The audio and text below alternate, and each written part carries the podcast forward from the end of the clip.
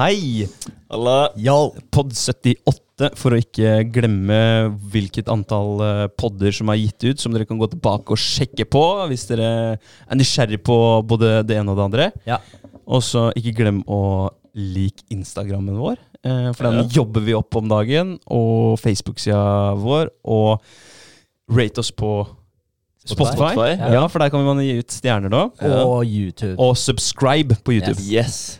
Bra, da tok vi hele den regla. Det er liksom første gang eh, ever eh, vi eh, har dratt inn denne introen. Så det er litt sånn u uvant, ukomfortabelt, egentlig. Ja, men det er, men det er litt ålreit òg, da. Fordi det er liksom sånn der, man vil jo gjerne ha noen Altså, det koster veldig lite å trykke på abonner.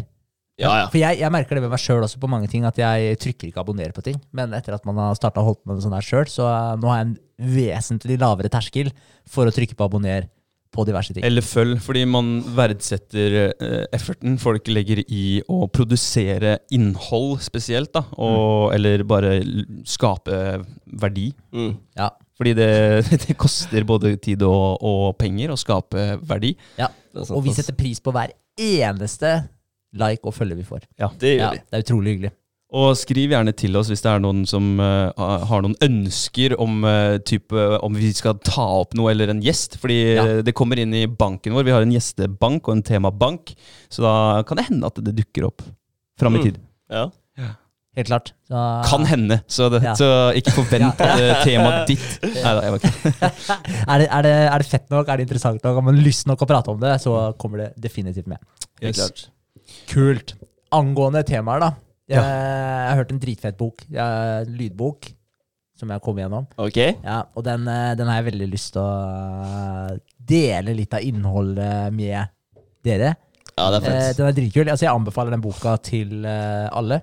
Boka heter eh, 'Secrets of the Millionaire Mind'. Eh, og om du er ute etter spenn eller ei, så er den eh, boka bra, for den eh, adresserer måten vi tenker på eh, om diverse ting. Og adresserer litt hvorfor vi tenker om diverse ting som vi gjør. Eh, og den er skrevet av en fyr som heter T. Harv Jekker. heter den. T. Oi. Harv Ecker. Ecker. Ja. Ja. T. Ja, Harv. Jekker? Jeker. Jekker. E- Eker. Eker. okay. Hvor er han karen herfra? Det Eh, hørtes veldig space Ja, spacea ut, det navnet. Han Jeker. er amerikaner. Oh, Ja, ok. men det er Eker. Jeker.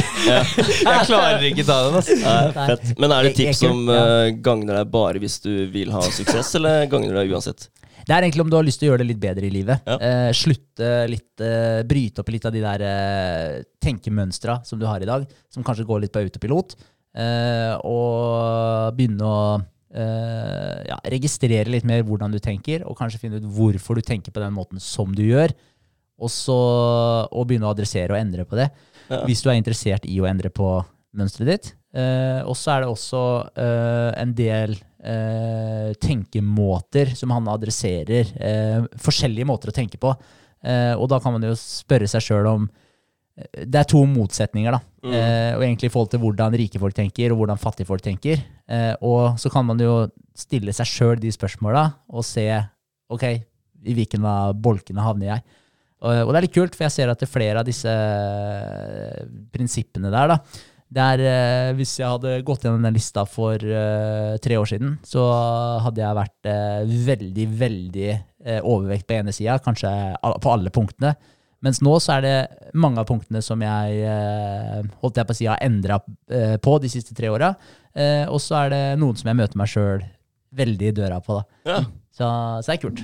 Ble, er det en sånn uh, møt deg sjøl i døra og slipp deg inn-øvelse, det her? At du skal slippe deg inn i, Ja, litt. i døra? Det er egentlig litt det. Ja. Ja. Så kult. Uh, men er det da uh, Kan man dra det, det kan, Man kan sikkert dra det over egenskaper, skills og kjærlighet, eksempel også. At det, det Tenk som en som er rik på kjærlighet, tenk som en som er rik eller fattig på evner, da. For det henger gjerne sammen. Ja. Hvis man har, er, er rik på evner og egenskaper, så har man sannsynligvis lettere for å tilegne seg også goder eller verdier av gjenstander eller, eller valuta. da. Ja. Det handler egentlig også om å gjøre deg sjøl mer eh, verdifull. Mm. Ja, ikke bare lommeboka. Du blir mer av det du er. Mm. Og, og Jeg, jeg digger den der, eh, den, eh, det ordtaket til han eh, Jim Rohn. Mm. Han nevnte før òg, men når han sier at hvis du vinner eh, Hvis du blir lottomillionær eh, Hvis du vinner ti mill. i Lotto, så er det best for deg at du blir en millionær raskt. Mm. Og det er litt eh, Og det er litt eh, ålreit måte å si det på, for det er sinnssykt mange lottomillionærer som ikke er millionærer etter en viss periode. Ja. Fordi de er ikke innerst inne millionærer. De vet egentlig ikke hvordan de skal eh, manage spenn. Forvalte suksessen sin, eller forvalte pengene sine. da. Ja. Det er som han søppelmannen som eh, vant. Brukte opp alle pengene sine og gikk tilbake til å være søppelmann. Ja. Fordi han var en søppelmann. Ikke sant? ikke sant? Klasseeksempel. Men hvor mye var det han vant igjen? Ja, det var mye. Eh, Det var i pund òg, men jeg lurer på om det var eh, i hvert fall eh, var det 700 millioner pund. eller? Ja, Sykt Ja. mye, liksom. Og brukte på ja, damer og dop, da. Er det syv milliarder kroner, liksom? Ja, Det- det, kan det være så mye? Kan det være så mye? Jeg blir litt usikker. det var sikkert eh, 700 mill. Ja, det kan være. Ja, jo. Men uansett, Ja. det var noen sinnssyke mengder med penger. Da. Ja, herregud. Han kunne jo han kunne jo levd eh, godt eh, resten av livet og ordna for eh, generasjonene etterpå. Mm. Ja, det kunne gjort. Tenk deg barna hans, hvis han har noen barn, er litt småforbanna. Ja, fy. Ja. Det er kunne, det var potensiell arv som du bare blåste av gårde. Ja. Og wasta. Altså, vi- Snorta. Ja, snorta av gårde. Altså, hvis jeg hadde hatt en uh, mor eller far som gjorde det, så hadde jeg jo først og fremst prøvd å pitche noen ideer for hva de penga skulle bli satt i, for å, at de kunne gjøre en jobb for deg. Og jeg garantert da, så møter man motstand. Og så bare, nei, de må inn på sparekontoen, og de må gjøre ditt og datten. Ja, har du 700 mill., så kan de få lov til å sitte på sparekontoen. Ja. det, det er ikke så farlig. Men allikevel. Jeg tror det er mange som er, er eh, redd, for, redd for å spille med pengene sine. For det gjør man jo når man skal investere i whatever. Mm. Det er ingenting som er 100% bankers. Det er sant. Alltid en risk. Definitivt. Vinner du i Lotto her i Norge, så blir du vel faktisk kontakta av banken i Norge for å få rådgivning om hva du skal gjøre med pengene dine. Jo, over et visst beløp så tror jeg du får en rådgiver fra Norsk Tipping. Ja, Ja. det tror jeg også. Mm. Og, og sikkert banken. Ja. Bare kjøp masse tippekuponger etterpå. Ja, Det her bør du gjøre. Spill på oddsen fire ganger i uka. Ja, det er bra. All right. Uh, hvis vi, altså, uh, boka da, den starter med eh, at han adresserer noe som han kaller den finansielle blueprinten uh, vår. Og en blueprint er jo altså ja, en arbeidstegning, eller en teknisk tegning, er jo Mm. egentlig det det er. Eh, og en teknisk arbeidstegning den forteller jo egentlig hvordan noe skal bli. Eh, og det kan jo være en maskin eller en bygning. Det kan være tegningen for en bygning. da. Eh, og den egentlig forteller jo alt av dimensjoner osv. Så, videre, da. så det er jo på en måte grunnlaget for hvordan det ferdige resultatet skal bli. Mm. Så han sier at vi har en finansiell blueprint som blir programmert i oss fra vi er små. Eh, og, uh, og det han sier, er at det blir på en måte Du kan se på det som at det blir lasta inn filer hos deg. da, Som at du er en liten datamaskin, og så blir det installert, uh, lagt inn små filer hele tiden i, i oppveksten din. Og de filene her, da, de kjører som sånne type softwares i deg, som blir bare en del av tankemønsteret ditt, Mm. og en del av personligheten din. Og så tenker du til syvende og sist at det her er deg. Ja, for alt det her er underbevisstheten av det du lærer av miljøet rundt deg, ikke sant? Ja. ja. Og han sier at det er, ref det, så sier han det er tre måter å, å på en måte bli, at vi blir programmerte på. Eh, Det er verbalt, og det er hva du hører fra foreldre eller de som passer på deg når du er liten, og etter hvert også venner, lærere, eh, alle du egentlig har rundt deg. Eh, Det andre er at vi speiler folk, enten om det er forbilder eller det motsatte. Da. At det er folk som du absolutt ikke har lyst til å bli som, så du gjør egentlig det motsatte av det de gjør. Eh, Så det er den eh, nummer to. Og den tredje det er hendelser. Så hvis du har hatt en ekstremt dårlig eller en ekstremt god opplevelse eh, rundt en eller annen spesifikk ting, eh, så drar du med deg den videre. Da. Så det former den senere avgjørelsen din også. Eh, og det kan jo være en, eh, en eh, dårlig investering, f.eks. Og det kan være at du har sett en dårlig investering òg. Så hvis f.eks. foreldrene dine har gjort en ekstremt eh, dårlig investering, kanskje de snakka om en eller annen At de investerte i noen aksjer, da, bare for å si det, da. Eh, når du var liten, og så investerte de i noen aksjer, liksom, og så snakka de om det rundt deg, og så var det liksom sånn, sjukt gira på det her. Aksjen krasja til helsike. Og, og det gjorde at man fikk eh, ja, finansproblemer da, i seks måneder, tolv måneder etterpå. Og så har du vært vitne til alt det greiene her. Så vil det prege hvordan du ser på det å investere i aksjer senere, Mm. Blir livredd, for eksempel. Så det kan være ett eksempel, da, men det er jo millioner av måter det greiene her kan skje på. da. Ja, ja. Poenget er bare at vi blir programmerte, enten vi tror det eller ikke. Mm. Eh, ja. Så, så det er jo litt som vi har snakka om før òg, i forhold til det her med å eh, I forhold til hvem du henger med. At du, du havner veldig nær de du henger med. Mm. Uh, og det er jo akkurat det samme der òg. Du blir jo programmert. Vi programmerer jo hverandre hele tiden i, i måten vi tar opp forskjellige temaer med hverandre. Uh, hva vi velger å bruke tida vår på. Spesielt hva vi snakker om. da. Ting vi sender hverandre. Altså, All inputen vi gir hverandre, er med på å programmere. Det er mange, det er mange sånne vennegrupper der ute, sånne messenger-grupper, hvor det blir sendt mye drit. Ja. Altså Som er helt fullstendig meningsløst. Da kan vi reflektere litt over den gruppa vi har, da, hvor det, hvor det blir sendt mye kanskje av verdi i form av uh, kunnskap. Um, men man skal jo ha litt underholdning innimellom også. Men tilbake til uh, aksjer. da. Det jeg, skulle, det jeg kom på når du sa familie. Eh, jeg, jeg tror jeg har hørt eh, fra mine yngre dager, da jeg var sånn ja, type 13-14 og ikke hadde ja, jeg hadde ikke forståelse av hva en aksje var, egentlig. Mm. Men bare hørte at eh, en i eh, familien, om, eller om det var en eh, venn av familien, som hadde blitt eh, introdusert for en eh, ny, spennende mulighet. Da. Og da var det en sånn form for eh, aksjeinvestering. Og det var snakk om 40 000, og på den tida for vedkommende så var det ganske mye. Uh, og det er 40 000 er jo en, en slant, da. hvis Det er, for, man- det er fortsatt mye. det er fortsatt Ja. mye. Uh, det er jo en månedslønn for veldig mange. Uh, bare rett ut i og, og det er gode venner da som tipsa om det. Og en god venn som tipser deg om 40 000, og så går det til helvete. Så er det et, det er et anstrengt, det er en sånn anstrengt si, tone, eller sånn eh, kjemi mellom dem i etterkant. Så Mm. det òg kan jo være litt problematisk, da. Hvis man tenker eh, de man henger med, og de man mottar og sender eh, greier eh, mellom hverandre. da. Mm. Helt klart. Pitcher ideer. Det er det. Så man skal være- ganske trygg på det man eh, presenterer eh, for sine nærmeste, tenker jeg. Ja, bare ja, være bevisst på at det er faktisk ditt valg da, å Mm. investere i den aksjen. Så hvis det går dritt, så er det ikke noen å skylde på utenom deg selv. Ikke sant? Det er også et jævlig godt poeng. Så man skal ikke sitte og dømme den man har mottatt uh, ideen fra, for til syvende og sist så er det du som trekker i, i snora, eller uh, avtrekkeren, da. Mm. Det er det. Absolutt. Men det er som du sier, da, altså den, et sånt eh, tilfelle som det er, hvis man hører det når man er yngre, så Mm. kan det være nok til at f.eks. du ikke går inn i aksjegamet før du kanskje er 30. da. Nei, jeg er sjukt naiv, ja, så jeg Ja. kommer til å gå inn uansett.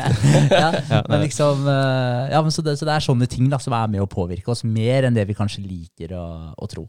Ja. Eh, og det som han eh, nevner videre, vi har snakka litt om den rekka her uh, før, uh, men det han snakker om videre, er at programmeringa, den får Altså, den er med å, å skape tankene våre. Det er den som er med på å trigge forskjellige tanker hos oss. Mm. Og det er de tankene som trigger følelser hos oss. Følelsene trigger handlinger, og handlingene trigger resultatene. Og den, den sirkelen her har vi egentlig snakka om tidligere også. Mm. Og det han sier, er jo egentlig bare at det er den programmeringa her, den finansielle blueprinten din, som trigger hvordan du tenker på ting. Og det er det som starter den, den rekka. Vi har jo snakka om det tidligere i, i form av at det, det eneste du kan gjøre noe med Du kan ikke gjøre noe med eh, følelsen, du kan ikke gjøre noe med eh, handlingen, du kan ikke gjøre noe med resultatet før du på en måte har gjort noe med tanken. Da. Det starter med tanken. Mm. Det er det som trigger alt sammen, så det er der du har muligheten til å påvirke. Eh, og det er jo egentlig det han sier, er at der, eh, den finansielle blueprinten er med på å trigge tanken, og derfor må man også adressere den finansielle blueprinten din Mm. for å i det hele tatt eh, skape de tankene som du faktisk vil ha der oppe. Da. Mm. Eh, så det som han eh, sier, er at du har fire elementer som eh, du kan bruke til å endre blueprinten. Eh, det første er eh, bevissthet. For du kan ikke endre noe med mindre du er bevisst på at det faktisk skjer. Mm. Eller bevisst på at det faktisk er der. Mm. Eh, Det andre leddet det er forståelse. eh, Og det er jo å prøve å forstå hvor tankemønsteret ditt kommer fra. Eh, Og en viktig del av det også er om du kan tenke ok, hvorfor tenker jeg på den måten her? da? Hvorfor har jeg det synet på den tingen her? Og prøve å tracke det tilbake til en episode som kan ha vært med og trigga det. Måten kanskje foreldrene dine snakka om, i det tilfellet her så er det jo penger det er snakk om, da. Men det kan være som sagt du kan tenke på det her, speile det over til andre aspekter av livet også, da.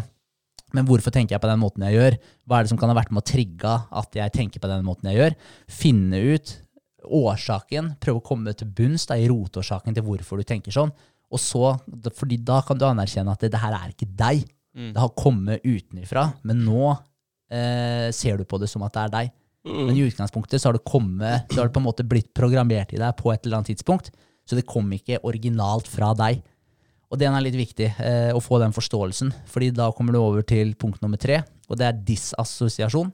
Mm. Og det har jo med å eh, ta avstand fra det tankemønsteret. Så du skjønner at den tanken her ikke starta hos deg. Det er ikke deg. Og det betyr også at du kan kvitte deg med den, eller, eller på en måte ja, få, øh, få bukt med den. da. Mm. Få det bort. Og da må du jo også tenke litt sånn Ok, hva er det som er feil med det tankemønsteret her? Hva er målsetninga di? Da kommer den litt inn. Hva er målsetninga di? Hva er det du har lyst til å få til? Enten om det er finansielt, eller om det er noen andre, i noen andre aspekter av livet ditt. Og så må du tenke, det tankemønsteret her, bidrar det til å få deg eh, nærmere målet ditt? Få deg til å oppnå det du har lyst til å oppnå? Eh, eller gjør det ikke det? Og hvis det ikke gjør det, da er du nødt til å kvitte deg med den, og erstatte det med et annet eh, tankemønster. Og da kommer du til nummer fire, som det er rekondisjonering.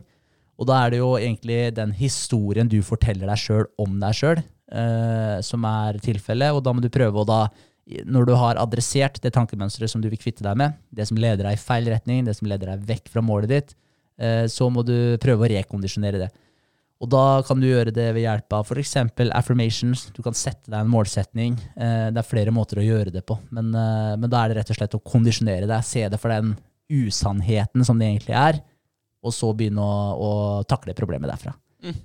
Så det er på en måte fire steg da, for å endre den finansielle blueprinten din. Men det er ikke bare den finansielle blueprinten din, det er jo generelt blueprinten din. Ja, for det, er, det går igjennom eh, mange deler av livet. Hvis du, du begynner med tanken, som er det frøet da, som du, du sår, og den tanken den kan du hele tiden øh, vanne, og den kan du hele tiden helle eh, gjødning på, ikke sant? for å få den tanken til å gro ut til å bli en jævla vakker blomst, og så til slutt en hage fullt av gode planter. Hvis du ønsker det. Eh, eller så, hvis du ikke tar hånd om eh, hagen og er bevisst på tankene dine, så kan det hende at du ender opp med bare ugress. ikke sant? Mm. Og det, det gjelder jo absolutt alt, ikke bare det finansielle, som du sier. Mm. Det, er, eh, det er litt kult. Det er fra han Alan, eh, As a Man Thinketh. Ja. Eh, at du har den hagen. Det, den, det bildet, det hagestellet, det er, eh, det er ganske kult å se for seg. Det er det. Jeg har brukt den mye på, på meg sjøl, og brukt den mye på de rundt meg òg. Bare prøvd å, å få dem til å tenke litt sånn. At det, det starter med den der lille, det frøet som du sår for deg sjøl Mm. hele Ja. tiden. Affirmations er jo genialt da å bruke med det her.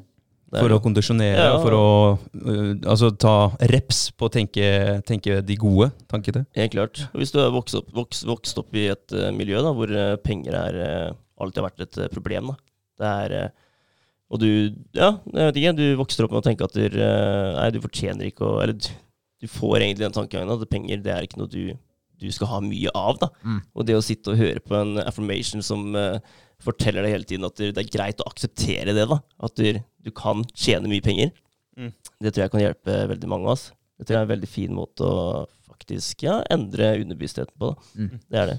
Trykke det inn der. Tror, Ja. tror det er mange som får den blomsten kutta veldig tidlig, altså før den rekker å, å gro høyt opp. Sånn som du sier der, at du, Mm. du er sammen med mennesker som setter grensene for deg, egentlig. Ja. Og det, det er jo litt skummelt, da, når du egentlig altså, Hvis uh, blueprinten pr- printen din hadde vært uh, sånn som du ville fra start av, så hadde ambisjonene dine vært uh, Mount Everest, og så blir du tatt sant, opp til Rødsfjellet her i byen, da, som er kanskje fem meter over havet. Det er, det er ganske, det er ganske um, råttent, hvis Ja. man tenker på det sånn, i forhold til hvem man har rundt seg, og hva man forteller andre, og sår av frø hos andre. Mm. Og det litt, ja, og det er litt skummelt å tenke på, da, for det, det legger jo egentlig et enormt ansvar på enhver person, Alle rundt oss, alle, ja. og oss sjøl, ikke minst. ikke minst. Så, ja, så, så det er litt eh, Hva skal jeg si? Eh, det er jo greit å tenke på, og, og være klar over det. da, igjen At man har mer, større påvirkning på andre enn det man egentlig tror. Det er, noe, ja, unnskyld, det, er, det er noe å tenke på når eh, vi får barn. Da. Altså Hva vi faktisk gjør, og hva vi sier eh, rundt, eh, rundt ungen, eh, ungene våre. Mm. det, det har mye mer å si enn det man, det man tror, da. Ja, Det har det. For det setter jo tydeligvis eh, spor. Definitivt. Ja. veldig, veldig mye. Og, og så har du disse dominoeffektene av å, å, å prøve å få de tankene, de gode tankene og eh, ambisjonene, altså de, la de vokse, da. Eh, for eh, hvis man gjør det hos deg, så kanskje du er mer eh, Du er en gladere person, som igjen smitter over til oss, som gjør at vi er en gladere person. Så til slutt så har du en forbanna lykkelig verdensbefolkning, da, som alle skal bli astronauter. Så det blir jo, det blir jo et eh, kult eksperiment, det her, da. Hvis vi får uh... Ja, sjukt. det er Ja, det er ingen som bor på jorda lenger. Nei. Alle, alle reiser. Alle reiser. Alle skal selge PayPal, og så skal, skal kjøre, kjøre, kjøre, kjøre til Mars. Ja. Det er eh, han der eh, Det var en mamma gjorde meg oppmerksom på, faktisk. Det er en, det er vel en snowboarder som er utrolig god. Jeg husker ikke navnet hans. eh, norsk. Ja, er den god nå, eller Ja, var god? Nei, god nå, Er det Markus eh, fyr- Nei, hva heter han for noe? Er det, kan det stemme? kanskje. En uh, ung snowboarder, i hvert fall, som Ja. er uh, utrolig god nå. Norsk. Skal vi uh, Kjapt søk. Ja. Snowboard, eh, norsk utøvere. Snowboard Ja. For faren kan- hans, i hvert fall, da Så får du bare si fra Ja, det sto kanskje ned lenger ned der. Eh, Skal Nei. vi se Nei, du kan Nei. bare begynne, du, så kan jeg Ja. finne den. whatever. Faren hans hadde i hvert fall plassert en eh, lapp over i taket over senga til eh, Det er kanskje han der? Andreas Wiig? Andreas Ygre Wiig. Ja, kanskje. Jeg lurer på det. Men eh, ja. Ja, han så jo ikke så ung ut. Nei, det, det kan være 41. trim-duden, Ja, da. ja mulig. Mulig. Whatever. Poenget er faren hans. Han hadde, han hadde vel da to sønner, tror jeg. Eh, og så hadde han plassert en eh, lapp i taket over senga til begge kidsa fra de var små. Ja. Og der sto det du får til det du vil, eller du kan bli det du vil. Hver dag blir du bedre og bedre. Du kan få til det du vil, du kan få til hva du vil. Hver dag blir du bedre og bedre. Det sto over senga. da, Så det leste de på en måte hver kveld før de la seg, og Ja, hver morgen når de våkna. Affirmation, ikke sant? Og, Sjukt. Det er jo genialt, da. Printa det inn i kidsa. da, at Hver dag blir du bedre og bedre. Du kan få til det du vil. Ja. Det er en utrolig kul uh, Utrolig kul greie. Jeg tror jeg hadde en sånn stjernehimmel da jeg var liten. Markus, kanskje? Ja, ja det, Ja, det- jeg også hadde vel noe sånt. Ja. Whatever. Jeg slakter det. Markus Kleveland, ja, det er det. Ja, ja, det er sikkert han, da. Sjukt. Mons Ja. Røisland eller Markus Ja. Ja, det er noe Bare der, altså. Ja, Ja. Satser på Markus Kleveland. Ja. Ja. Kult. Men uh, storyen står uansett. Uh, Jeg Ståle, da. Det kan. Ståle Sandbekk kan det også være. Nei, jeg merker at det her ikke til helvete. Men, eh, Faen, sorry, ass. Jeg er ikke Jamie. Markus Olivstad. Young Jamie. Ja, det var mange unge snowboardere her, selvfølgelig. Så, whatevs. Whatevs. Ja. Men uansett, veldig viktig poeng da, at du planter dem frøa. Der ser du viktigheten av det. Yes. Ja. Og ja, det, er, eh, det var et eh, godt eh, bilde på det. Ja, det er det. Men jeg jeg også er veldig glad i den der hagen som du snakker om, Andre, Den til Mr. Allen. Ja. Ja. den er utrolig kul. Og det er så det, Altså, alle veit da hvordan Eller hva som skjer i en hage hvis ikke du steller den hagen. Og det er det, er det samme med, med sinnet ditt, med tanke på disse Med ugresset. Det Mm. vokser vilt. Du må, må få vekk ugresset, og du er nødt til å plante de, de frøa, eller ta vare på det som du har lyst til at skal gro der. da. Ja. Og hvis man, eh, hvis man eh, drar den parallellen over til sinnet sitt, så, så kan man få veldig god orden oppi det. Og det er sånn bare kjapp digresjon før du smeller videre på, på uh, boka. Eh, så er jo det her hagestellet Det er jo veldig, veldig aktuelt med challengen som går nå. Merker jo det, Vi snakka om det innledningsvis før podden i dag, Mm. med hvordan eh, det kaoset som bare dukker opp når du har bestemt deg for å anerkjenne tankene dine. Ja. Så er det bare en virvelvind av tanker som, eh, som treffer deg, og så er, prøver du å, å roe ned, men den virvelvinden den vil jo faen ikke ta slutt.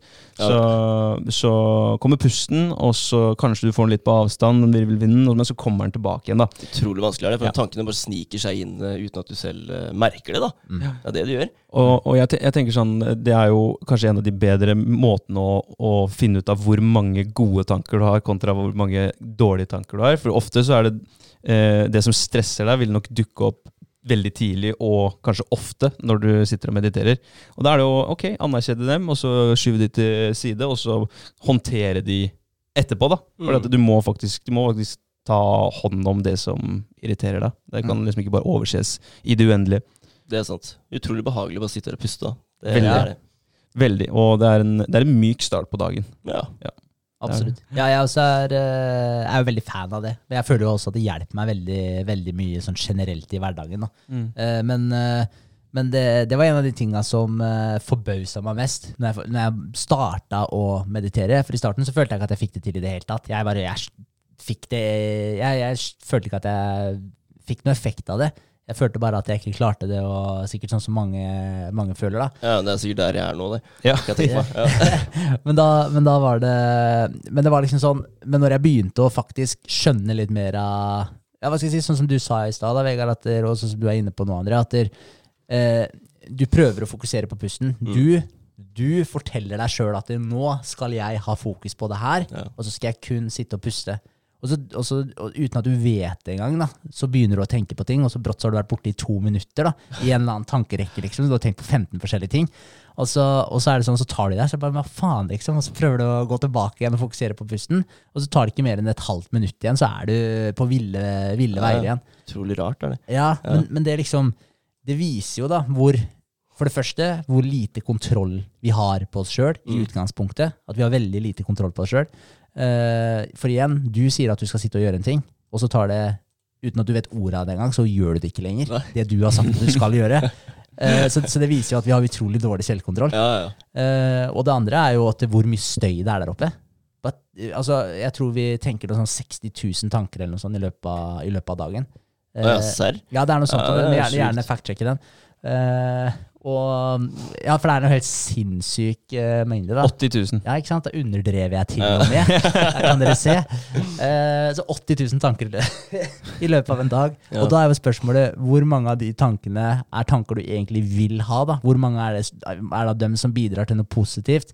Eh, Og hvor mange av dem er det som faktisk bidrar til noe negativt? da? Ødelegger selvtilliten din, uh, får deg til å føle deg mer angstete, altså tenk på all dritten du skulle ha gjort som du ikke har gjort. Mm. Altså, og, og bare tenk deg, når du sliter da med å, øh, å være i nuet og ikke ha noen tanker der i det hele tatt, og så begynner alle disse tankene å poppe opp som du egentlig ikke har kontroll over. Det er ikke du som basically bevisst da, styrer hva du skal tenke på. Og da kan du tenke deg da, hvor mange av de 80 000 tankene her er tanker som du egentlig hadde hatt lyst til å tenke hvis du skulle bestemt hva du skulle tenke på. Mm. Og det også er jo grunn nok til å implementere meditering i hverdagen sin. Fordi du får faktisk mer kontroll på Du klarer å styre den skuta litt bedre. da. Du klarer å eh, rette tankene dine litt mer mot det du faktisk har lyst til å tenke på. Og du klarer også, for det er jo en annen ting også, med tanke på det med å meditere, er jo at der, hvor kjapt er det du klarer å registrere at du har drifta bort. Fordi som sagt, du kan sitte i brått, så har du sittet i to minutter og tenkt masse greier. Mm. Og, så, og så tar du deg, så er det sånn Å, shit, hva faen skjedde nå, liksom? Og så må du tilbake igjen. Men jo flinkere du blir til å meditere, jo raskere catcher du deg i at du har drifta bort. Mm. Ja. En fin måte å få bedre kontroll og bygge en struktur da, opp i skallen. Mm. Rydde opp i rotet. Det blir jo som sånne, sånne utfordringer eller games som veldig mange atleter som driver med øye-hånd-koordinasjon har. da, I fotball, basketball, håndball. Så er det ofte jeg vet ikke om dere har sett de veggene hvor lys eh, slås på, og så skal du treffe lyset. Det blir jo litt sånn. Du øver på og repper på å få bedre reaksjonsevne. Og det samme under meditasjonen også. Bare kjenne igjen. Nå, nå er jeg borte.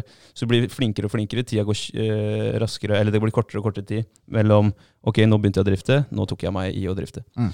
Eh, jeg snakka med en kollega i stad faktisk om meditasjon, og eh, hun eh, tipsa meg om en meditativ variant eh, som er mer, enda mer tradisjonell enn den som i hvert fall jeg bedriver. da. Okay. For jeg bedriver eh, med en guida eh, sak, og det er visst sånn at de mest tradisjonelle eh, variantene er jo altså det er jo ikke, Man hadde jo ikke for x antall tusen år siden eh, ørepropper. iPhone, AirBuds eller i, det, det hadde du ikke da.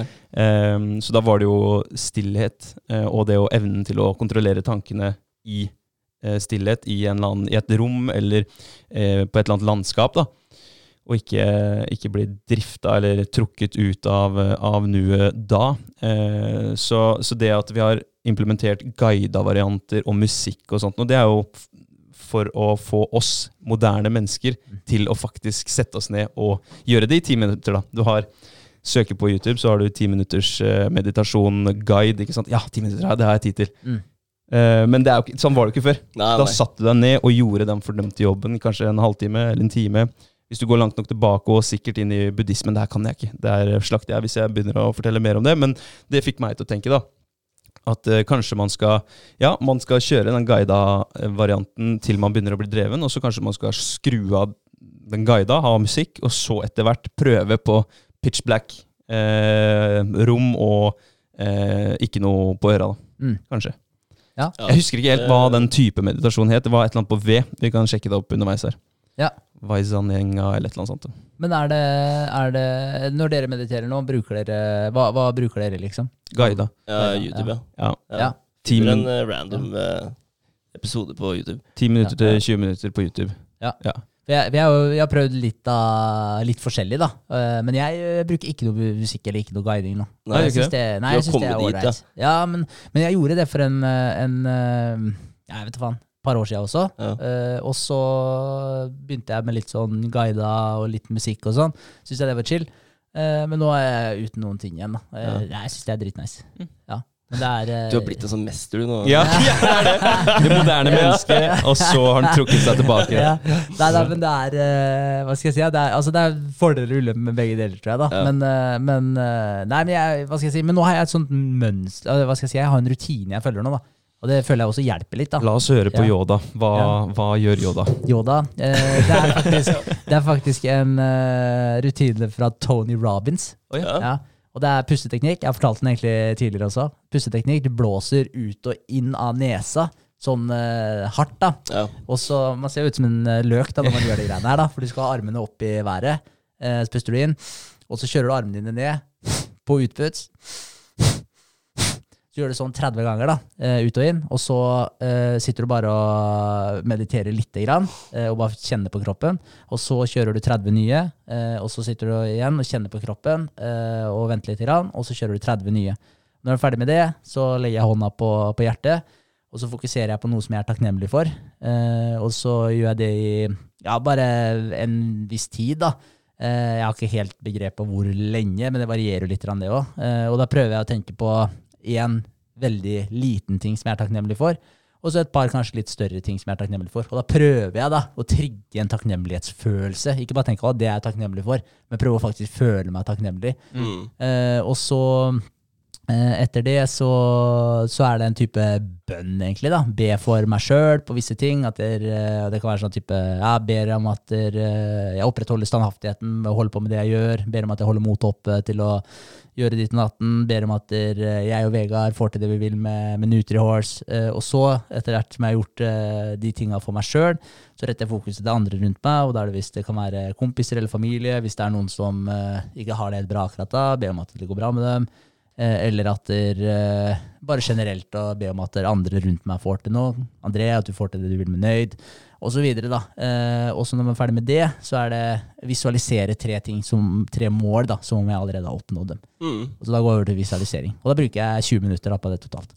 Så ja. veldig presist, og jeg ble skikkelig imponert. Ja, over, Der har du hele lista, og den er innarbeida. Ja. Det er ikke noe du fant på på sparket, i hvert fall. Nei, nei, Nei. absolutt ikke.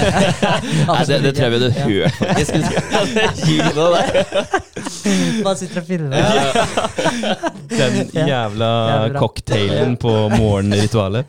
Ja, men jeg brukte Altså, jeg hadde en sånn uh, guida timinutters uh, greie med Tony Robins med akkurat den eh, øvelsen her. Ja. Og det er liksom ett minutt med hver. da Så kjør ett minutt først med de der pusteøvelsesgreiene, og så er det ett minutt typ med hver sånn greie. da Eh, Ett minutt med de takknemlighetsgreiene, ett minutt med eh, basically be for deg sjøl og andre, ett minutt eh, med å visualisere per ting. da Ja. så, så da fulgte jeg faktisk en sånn guida greie. Ja, og, det, og er det fordi at du følte deg såpass bra etter at du gjorde det, at du stick with it, eller stuck with it? Ja, Ja. Jeg, jeg liker den, liksom. Fordi på en måte du får, eh, du får meditert i starten. Ja. Eh, og, og, og så gjør jeg det jo på morgenen, da. Eh, og hvis jeg er litt trøtt, hvis jeg sover litt lite, den pusteøvelsen den øker energinivået, sånn at jeg ikke sovner. Ja. Så, så den holder meg våken. Jeg spurte faktisk deg om det på torsdag som var. Ja, Eh, fordi du står jo opp fem og Ja. kjører eh, og setter deg ned og begynner å meditere. Og så sier jeg at Men faen, åssen klarer du å gjøre det uten å sovne? For jeg hadde jo sovna tvert. Hvis jeg hadde satt meg ned og begynt å lukke øynene,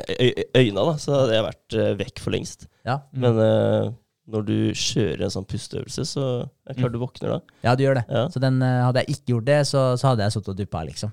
Ja. Ja. Så, så det liker jeg. Og så liker jeg den der med å praktisere takknemlighet. Mm. For det er en ting jeg ikke har vært Altså, det er ikke det at jeg har vært direkte utakknemlig, men jeg har ikke, jeg har ikke direkte prøvd å være takknemlig for ting heller. Om du skjønner hva jeg mener? Bare sånn ut av det blå. Hvis jeg har fått en ting, så har jeg vært glad for at jeg har Mm. fått den tingen. Men jeg har ikke vært sånn bare tenkt på 'å, det her er jeg takknemlig for', om du skjønner hva jeg mener. Jeg skjønner Så- godt hva du mener. Ja. Så, så det liker jeg også, at, det, det, at man får praktisert takknemlighet. Og så er det det der med å be for ting. Og bare faktisk be for noen andre enn deg sjøl også, da, og være litt uegoistisk. Og faktisk, for da må du vie tid da, til Jeg, jeg husker seriøst Gottfred, han sa til meg når jeg traff han eh, og vi catcha opp litt for en stund siden, før vi hadde podmen også. da. Og da sa han liksom sånn eh, at der, ja, han hadde bedt, eh, bedt for, eh, for meg og deg, da, og liksom at Ja. vi skulle få til det med Nutriors. Og jeg husker hvor jævlig glad jeg ble. Jeg bare, shit, Har du seriøst sittet hjemme, lukka øya eller hva du gjør for noe, da, og, og sittet og faktisk bare fokusert på meg uten at vi har snakka sammen på flere måneder, da, og bare ønska at det skulle gå bra med det som jeg driver med? Det er, eh, så det, det ble liksom, jeg ble satt ut av det. For jeg var sånn der, Det er en eh, uegoistisk handling. Ja, ja. Så, det- så den ble jeg veldig imponert over. Definitivt uh, kult og uegoistisk. Men hadde du tenkt, hvis det hadde vært en annen enn Gottfred, da, en random fyr som hadde kommet bort til deg og spurt Hei, Berger, jeg har bedt for at du og Vegard er suksessrike, ass. Freak. Ja, ikke sant? Jeg bare tenker da, der, ok, eh, hva er det du vil, egentlig? Ja, hva vil du ha Nå, ut av skry, det? nå skryter du fælt Ja, her. ja, ikke sant? Ja, ja, da hadde jeg sikkert tenkt litt. Jeg hadde sikkert blitt jævlig skeptisk. Men, eh, men eh, som sagt, det her var jo lenge siden jeg hadde gjort det, og jeg hadde ikke snakka med på kjempelenge. Og, og han nevnte det som en sånn bisetning når vi hadde snakka sammen i typ tre timer. Ja, så Så, så det var liksom sånn der, det var genuint, da. Og da ble jeg sånn der, så, jeg, så jeg ble litt uh, satt ut av det, for jeg var sånn Jeg har aldri hørt at noen har gjort det for meg, så jeg syns det var en sånn utrolig hyggelig greie. Ja, han, er, han er eh, uselvisk og omsorgsfull. Han ba jo for ryggen din òg, gjorde han Det ikke det? gjorde han. Det gjorde han. Så det, er jo, det gikk jo Jeg vet ikke om jeg skal si resultatet, men Nei, da fikk vi svaret der, Nei. Ja. nei, det hjalp vel ikke så mye. Men, eh, Men tanken var veldig god. tanken var tanken veldig god. Ja. Den var det. Så, Så ja. er, Og jeg hadde tror gjort ikke det en gjorde- gang til, så kanskje det hadde gått. Jeg vet ikke. Ja, ikke sant? Det kan hende at han, ryggen hadde vært verre, da. Om Ja. han ikke gjorde det, hvis du ser på det sånn. Kanskje. Kanskje. Kanskje. Det er veldig sant. Ja. Mm. Og vi var inne da, ikke ute, så jeg vet ikke hvordan det var med signalene og sånn. Det funka helt. der. Jævlig bra.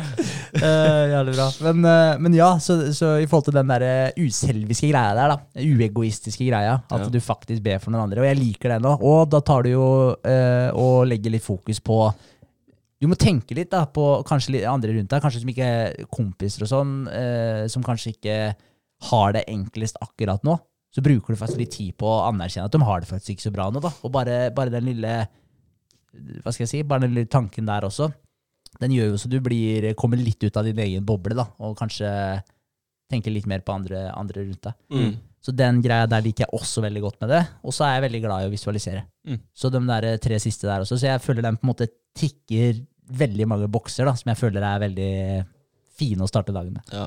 Men det med å visualisere, altså det om å kjenne på For du skal jo, du skal jo føle på den følelsen du, du tror du kommer til å få når du kommer dit du visualiserer at du skal komme, da. Mm. Du skal kjenne på den følelsen og føle hvor godt den følelsen faktisk føles, da. Ja. Og det, det gjør deg egentlig bare klar til å komme deg videre, ikke sant? Mm. Fordi da har du kjent på den, og du aksepterer å komme dit, da. Du gjør det. Ja. Så jeg, det er ganske sjukt hvor bra det faktisk funker. Du in, på en måte indoktrinerer en, eh, en, en eh, følelse og kanskje en trigger for videre handling, manifesterer et Ja. mønster å tenke på for å oppnå den følelsen oftere eller på, på ekte, da. Ja, du øver jo på det. Øver på det. Ja. Ja, kult. Du blir, du blir det du ønsker å bli før du har blitt det, egentlig. da. Ja, Og, og, du har, og du opplever det også da, før du faktisk har opplevd det. ja Du Så- lærer deg å kjenne på følelsene. Ja. Det? Ja. Så det, der, det var litt kult. Jeg hørte i et uh, podkast med The Mulligan Brothers. Har dere hørt dem? Mm, Nei, tror Nei, jeg ikke. de har en podkast. De har noen fete gjester på. Uh, og de har gjort det ja, bra, Bra. for å si det sånn. Og, og de hadde en sånn uh, britisk Navy Seals. Nå husker jeg ikke helt hva Navy Seals i Storbritannia het, men de hadde et sånn derre litt eh, rart navn. Men uh, whatever. Uh, så de hadde en sånn britisk Navy Seal da, Ja. på poden, og han snakka om uh, manifestering. Og eh, skal vi se, hva heter den der? Special Boat Service, Yes. SBS. SBS, ja. Ja. Det stemmer.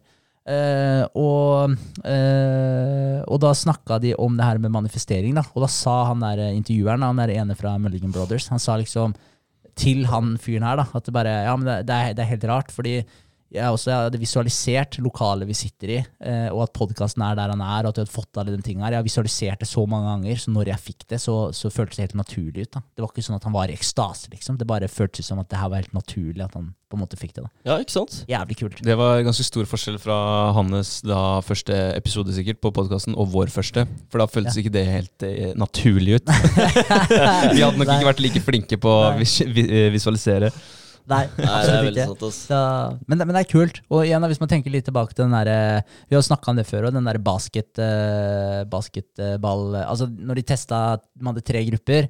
Én gruppe altså, altså, de testa alle gruppene i, i straffekast i basket, Mm. eh, og sjekka hvor mye de traff. da Tre forskjellige grupper som ikke hadde noen forutsetning for basket. Det var random folk. Uh, ene gruppa de fikk beskjed om at, de- at de ikke skulle gjøre en dritt i, i tre uker. eller noe sånt. Eh, Den andre gruppa fikk beskjed om at de skulle trene jeg tror det var hver dag, med å kaste så og så mange eh, straffekast eller frikast eller hva du kaller det for noe, eh, i basket.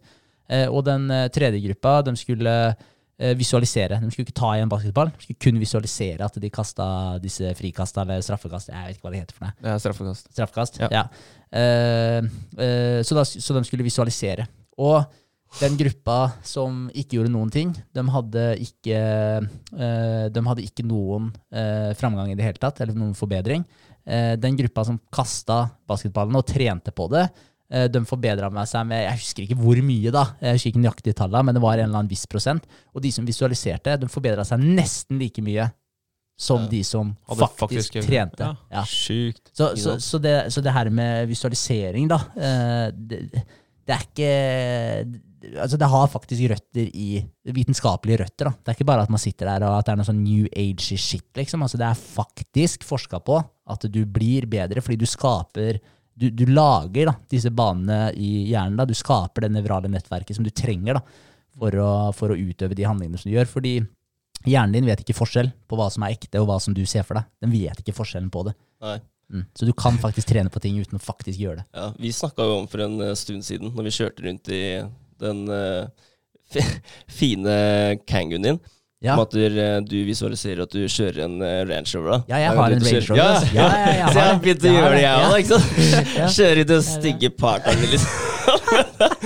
For meg så er det den fete bilen, ikke sant. Ja. Og det er Du gjør meg bare klar til å faktisk sitte bak rattet på en fet bil. da. Du gjør Ja. det. Så Det jeg tror det hjelper, altså. Det gjør det. Garantert. Ja. Det er spesielt sånn i, hvis du skal presentere et eller annet. da Du skal på scenen eller holde et foredrag eller stå foran en haug med mennesker. Og så Se for deg den eh, situasjonen og det scenarioet der. Jeg garanterer at man eh, presterer ganske mange prosent bedre da. Mm. Da har du allerede vært i settingen hvor du er ukomfortabel, Da, så kan du føle litt på Ja, ok, det var ikke så ille allikevel. Ja, det er faen bevist for meg sjøl at det funker. Mm. Ja, ja. Mm. Det er uh, før vi var på Smart Innovation og hadde pitchen vår, Ja. så, uh, så, så gjorde jeg det. Jeg så det for meg hele tiden. Hver dag, liksom. Mm. At uh, det her naila vi, og folk likte det. Og, og det var det som skjedde. ja. Ja. Jævlig kult. Så det funker, altså. Her i februar eh, så hadde jeg en liten presentasjon for alle lærerne på eh, Halden videregående skole. Eh, en liten eh, Ja, vi vil få flere aktive da på å være med på timene. Og så var det en liten sånn reminder, da, presentasjon. Og det var eh, dårlig med tid, og det var uh, Ja, de, de ville ta det på et sånt nettmøte. Og der hadde ikke jeg gjort uh, visual, visualiseringa mi uh, riktig, altså. Fordi at eh, jeg hadde ingen aning om hvordan det her kom til å gå. Og, og hva, altså jeg hadde ikke øvd noe særlig. Det var bare sånn ok, jeg skal presentere det vi holder på med i dag, og resten av senteret, og ja, egentlig få folk til å møte opp, da. Ja. Men når du står eh, foran en Mac, eh, og så er det 70-80 mennesker da, som eh, hører på, og du, du står bare og titter på en død jævla Mac. Mm. Fy fader, og ufattelig vanskelig det der er. Altså. Ja. Upersonlig. Ja, du vet at det er liksom mange mennesker som egentlig ser på, men du står på en død gjenstand. Ingen respons, og så bare Jeg hører deg sjøl puste, og ja, ja, det her var eh, ikke veldig bra. Eh, så det det er å anbefale, da. Eh, bli mentalt forberedt eh, på en sånn eh, runde hvis du ikke har, eh, har gjort det før. Ja. Ta en liten runde med deg sjøl og, og øv litt, eller visualiser. Ja. Det var ikke veldig behagelig. Nei, det tror jeg på. Altså, men det, det, det blir jo en veldig ja, som Vegard sier, det er en veldig unaturlig setting. Ja, ja. Det, det, blir jo en uh, weird greie, i hvert fall når det er så mange i andre enden nå. Da. Er det én, liksom, så er det sånn, ja ja, kan se personen og liksom få noe slags forhold til det. da. Ja, ja. Altså Når vi skal lage de der challenge-videoene våre, så er det Ja, vi står og snakker til et kamera, men da er det i hvert fall kanskje Vegard eller Henrik eller Christian da, som uh, står ved siden av og er levende i rommet. Ja. Så får du en eller annen form for eh, et glimt i øyet tilbake, eller, eh, eller ja, en følelse da, av hva, hvordan det går. Mm. Ja. Så Ja, godt poeng. special. Ja. Yes. Uh, all right. Uh, videre i uh, denne boka da, så går den jo egentlig gjennom eh, 17 filer for rikdom, da, som man eh, kaller det. Og det er jo disse filene, som sagt. Det er programmering. Filer som er installert hos oss, okay. og den programmeringa her. Så det her er filer som egentlig du kan spørre deg sjøl om, eh, og egentlig ta tak i hvis du vil. Du kan i hvert fall få bli blitt bevisst, som da var steg én i stad. Få bevissthet. Er det eh, første fil? Eh, ja, så nå kommer vi Nei, det er første steg, Steg. i å endre filene, egentlig. Ok. Men eh, her kommer noen filer, da. Ja. Eh, og den ene er uh, hvordan du tenker uh, i forhold til om du skaper livet ditt, eller om livet skjer med deg. Så er det Mm. du som skaper livet ditt, eller er det livet som skjer med deg? Det er på en måte nummer én. Så hvis du ser det som står der, så har du vel Ja. forklaringen. Things don't just happen, things happen just. Ja. Ja. Så det, det er vel du som uh, sørger for at det skjer noe i livet ditt, Ja. ikke omvendt. ja, det er det. Det er det. Men der har vi igjen, da. Den herre Altså, nå er det det. Ja. Ja, nå Sånn er det som det. vi holder på nå. Det er, eh, for noen år siden så ville jeg ikke sagt at det det var det. For da, da tok jeg ting som det kom, og ja, livet, livet bare skjedde, da. Ja, Ja. begynte, begynte det å regne, så ble du våt. Ja. ikke sant? ja, Tok ikke på deg regntøy eller paraply. det er litt sånn. Mm. Og, og der har du også den der eh, berømte offerrollen. Mm. Fordi skjer livet med deg, så er du et offer for livet, og du må ta imot all dritten som kommer. da. Men hvis du tror at det er du som skaper livet, skjer det noe dritt med deg, ok, ja, så er det din feil, uansett hvor hardt det kanskje høres ut. Men igjen, sier du at det er din feil, så har du faktisk også gitt deg muligheten til å gjøre noe med situasjonen. Mm. Da er du ikke lenger hjelpeløs. Så det er jo egentlig et mektig prinsipp å leve etter. da.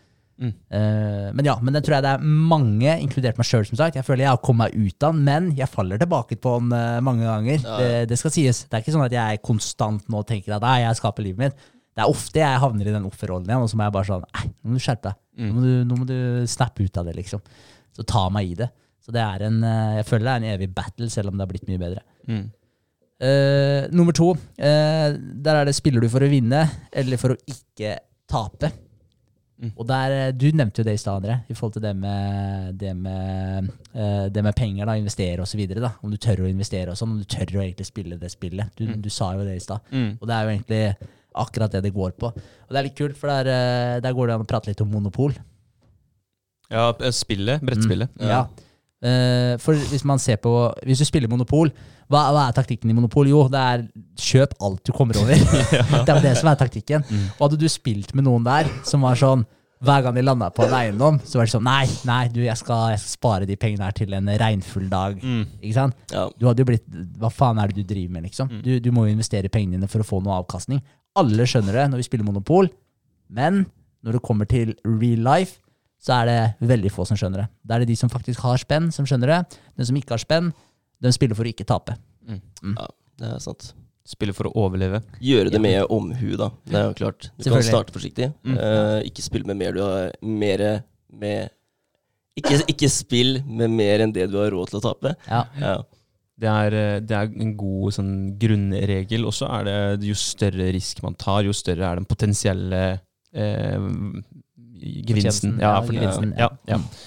Så nei, det er, det er ganske sprøtt å se på, på folk i dag, hvor det er Det er så mange muligheter, men så er det likevel så mange som velger å bare ignorere og, og spille fryktelig safe, og Ja. kanskje litt for safe òg. For nå, hvis du følger med på, på ting som skjer i dag, da, hvor alt blir dyrere. Nå skal, altså, maten blir jo Først så ble den er det 10 mellom 10 og 20% dyrere i fjor, og så kan det bli 5% dyrere i år. Og så skal strømmen Den er jo ikke billig helt ennå. Trevareprisene. Trevareprisene. Alt blir Ja, ja. dyrere. Mm. Så man må på en måte Man må agere, da. Eh, Enten så må man gjøre eh, endringer på sin egen situasjon, sånn at man har, eh, har mindre utgifter, eller så må man jo lete etter mer inntekter, da. Mm. Så, og det er, det er en verden av muligheter. Altså Du kan egentlig i prinsippet eh, starte din egen lille nettbutikk i løpet av kvelden i kveld, hvis du sitter og hører på. For det er ganske, ganske lett nå med, med Amazon sin modell og Shopify og alle disse det. variantene. Ja. Ja. Det er mange muligheter. Mm. Og, men det er som du sier, altså sånn i forhold til det med å, å forberede seg litt. Fordi det med å spille safe, det man tenker på som å spille safe, bare til en regnfull dag osv. Altså hvis uhellet faktisk er ute, da, og uh, shit hits the fan, så spiller det ingen rolle om du har spart for, uh, til en regnfull dag.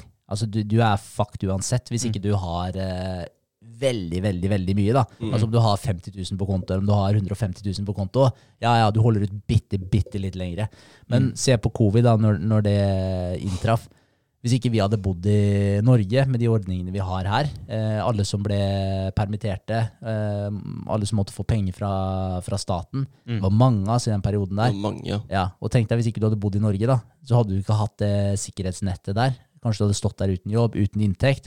Ja, ja, du kunne godt ha spart opp som sagt, til en eh, regnfull dag, men uh, det, den oppsparinga di burde være ganske stor for at du skulle holdt ut uh, lenge. Mm. Uh, og, eller lenge nok. Og du måtte jo funnet på noe etter hvert da, uansett. Hadde du mista leiligheten ganske fort, tror jeg. Ja. Ja. Mm. Så det, Ikke sant? ja. Så om du sparer opp, eller om du kanskje dytter pengene dine inn i en, en ting, da, et objekt, som Tenk- kan skape verdi. Tenk så mange som eh, Ja, ikke sant, det er jo en mulighet, men tenk så mange som da hadde blitt tvunget til å finne seg en type strøjobb da, i Mhm. mellomtiden. Ta en, en jobb som man faktisk ikke eh, Altså aldri i livet hadde tatt, hvis ikke den var tvunget til det. Ja. Og det kan jo få en til å tenke, da. eh, at man bør kanskje yte litt mer nå for å være trygg i fremtiden. Mm. Eh, for jeg, jeg vet ikke om eh, det er så kult å liksom plutselig begynne å jobbe på i en eh, Altså, jeg vet ikke Jeg skal ikke skite på noen eh, yrker her, altså, men en, et yrke du aldri hadde, hadde sett deg sjøl i, det hadde ikke vært eh, så kult, Vegard. Nei, hvilket yrke er det? Jeg, vet ikke, jeg, jeg, jeg, jeg ble veldig skeptisk ved at jeg skulle komme Bare Shit. sårer en av Ja. Nei, jeg, jeg, jeg tenkte på pilot, jeg, altså. Ja. Pilot, ja. Det var det jeg tenkte på. Ja. Eh, men, eh, men det er et veldig veldig godt poeng, og ofte så, så er jo det på en måte Så tenker man jo litt motsatt på det, fordi det er jo når man har det bra og ting er trygt, da tenker man ja, ok, nå kan jeg legge meg tilbake og bare nyte. Ja. Men eh, som sagt, når uhellet først er ute, det skjer jævlig fort, og, og da bør du faktisk ha forberedt deg litt i forkant, for da er det kanskje litt seint å starte da. Ja. Så, så det, er, det, er, det er viktig å tenke på den, og bare det der med ok, ja, vi har det sikkerhetsnettet vi har i Norge, men når det står en million folk da på døra til Nav og skal ha spenn, liksom, det er ikke fett å være nummer en million i den køen der. Det, det, altså, det var mange som det tok lang tid før fikk pengene sine, som fikk ut støtta si da, Mm. Ja, ja. eh, under den pandemien der. Er sant, altså. Så, så du er ikke trygg der heller. Så, så, ja. så det er lurt å tenke litt lenger fram, da. Mm. Det er, eh, er det jeg prøver å si. Det er det. Ja. Bra. Eh, eh, nummer tre, eh, det er jo spørsmålet eh, Ja, der også er vi jo litt inne på det vi snakker om nå, men det er jo eh, de eh, Hvis man ser det her i et, i et perspektiv i forhold til et finansielt perspektiv, eller om man ser det bare med tanke på å bli suksessrik, da, nå målsetningene dine, så er spørsmålet er du dedikert, eller ønsker du å oppnå det? Mm. For det er to forskjellige ting. Å være dedikert, det betyr at du faktisk tar action. Du gjør noe hele tiden for å nå det målet du har satt deg fore. Eller så kan du sitte og ønske at det skjer. da. Ønske at du vinner i Lotto, eller, eller hva det måtte være. Men spørsmålet er jo er du dedikert, og at du Mm. gjør ting, eller sitter du og ønsker at du, at du ønsker eller håper at det skjer. Jeg tror mange øh, er Altså, Istedenfor å være dedikert, så ønsker de å være dedikert. Mm. Så at du, du ser for deg at det kunne jeg gjort, vet du. Altså, Jeg kunne starta den businessen der, og jeg kunne hatt mange millioner på bok, egentlig. Men eh, så er jo ikke det, da. Og det er fordi at du er den som ønsker, og ikke den Ja. som faktisk gjør. Mm. Ja. Jeg tror jeg er veldig begge deler, egentlig. Jeg har veldig lett for å sitte og ønsketenke ofte. Mm. Det, det gjør jeg. Men, vi Men du- jobber jo også for det, da. Ikke sant? Du er jo i, eh, i et moment her da, og har, eh, har en actionplan og gjennomfører daglig, eller i hvert fall ukentlige oppgaver som får deg ett skritt nærmere. Ja. Men så er det mange som ønsker at de var deg, da. Hvis du skjønner hva jeg mener. De ønsker at de gjorde det eh, for å komme nærmere sine mål, men eh, syns det livet uten de forpliktelsene er kanskje litt mer fristende. For da forplikter du deg til å gjøre, gjøre litt mer enn enn det som gir deg penger der og da. Mm. For det gjør jo en eh, jobb hvis du er ansatt i et firma og jobber de åtte eller syv og en halv timene du skal jobbe. Da får du avkastning på den tida du har investert, eh, etter at du har faktisk investert tida di. Mm. Mens eh, den investeringa du gjør, den er på lang sikt. Ja. Det, og det har vi snakka om med, med flere ting også, med helse. Det er kjempevanskelig for folk å, å tenke at eh, om 20 år så skal jeg eh, Jeg skal sørge for at jeg er frisk om 20 år, derfor trener jeg nå. Eh, for det er jo det vi gjør. Vi begrenser, eller vi reduserer, eh, forsinker alderdommen. Det sies at eh, vi, hvis vi slutter å trene eh, etter at vi er 30 år, så mister vi 1% muskelmasse per år. Og det er hvis vi avstår for all trening, da. Så 1 er ganske mye. Da er det ikke mange åra det skal gå før du har mista, mista ganske mye av, Nei, eh, av muskulaturen din, og evnen da til å bevege deg normalt i livet ditt. Så, eller være funksjonell i livet ditt. Så jeg tenker, eh, tenker det, at man skal prøve da å, å gjøre den jobben eh, sjøl, ikke bare ønske Mm. at man gjør den jobben. Tenke mer langsiktig, som du sier. Yes. Ja. Så jeg har lagt fra, jeg har lagt fra meg det å ønske lottovinneri. Altså. Det, det gjør jeg ikke lenger. Nei. Nei. Men da har du slutta å spille også? Jeg spiller ikke, nei. Nei, nei. Jeg gjorde det før. Men uh, nei, jeg gidder ikke, altså. Og det, det, er, det er sjansen for det greiene her. Det er så utrolig liten uansett, så da er det bedre å satse på seg sjøl, altså. Ja. Ja. Ja, ja, det er lenge siden jeg har spilt det Så Jeg gjør det på, på altså, Hvis det skjer et eller annet, så bare Ah, faen, i dag er jeg heldig. Ja. Så kan jeg ta én sånn fem uker. Men uh, jeg spiller ikke sånn jevnlig. Nei, men det er den derre Fader, altså, hvor, hvor, hvor jævlig er ikke det, liksom, når du får den der meldinga da, etter du har spilt? Oh. Ding, så ser du lottoen, ikke sant? Bra, så får du forhåpninger. Ikke sant? Bare, du har vunnet 45 kroner. Det er bare sånn, knuses igjen, ikke sant? Det er jo helt tragisk. Ja. ja, fy faen. Jeg tenkte dopaminkrasjen din der. ja. ja, deprimert Jeg et Ja. det du. Ødelegge dagen. Ja. Nei, tenke langsiktig, også, og, men også nyte altså det som skjer eh, i nuet også. Det er lettere for folk. Så hvis man da uh, gir seg sjøl en reward da, for den, an, ar, altså det arbeidet man gjør for fremtiden, av Mm. type Nutrihorse, da, eller eh, Nøyd eller Bedre, eller hva det måtte være. At man investerer de timene. At man da kan gi seg en uh, mental five hver gang man har gjort det. At man kan sjekke, sånn som eh, vi gjør med listene våre, eller med utfordringene våre. Kan sjekke det du har gjort, da, og ja, gi deg sjøl litt ros etter eh, dagen er over. Mm.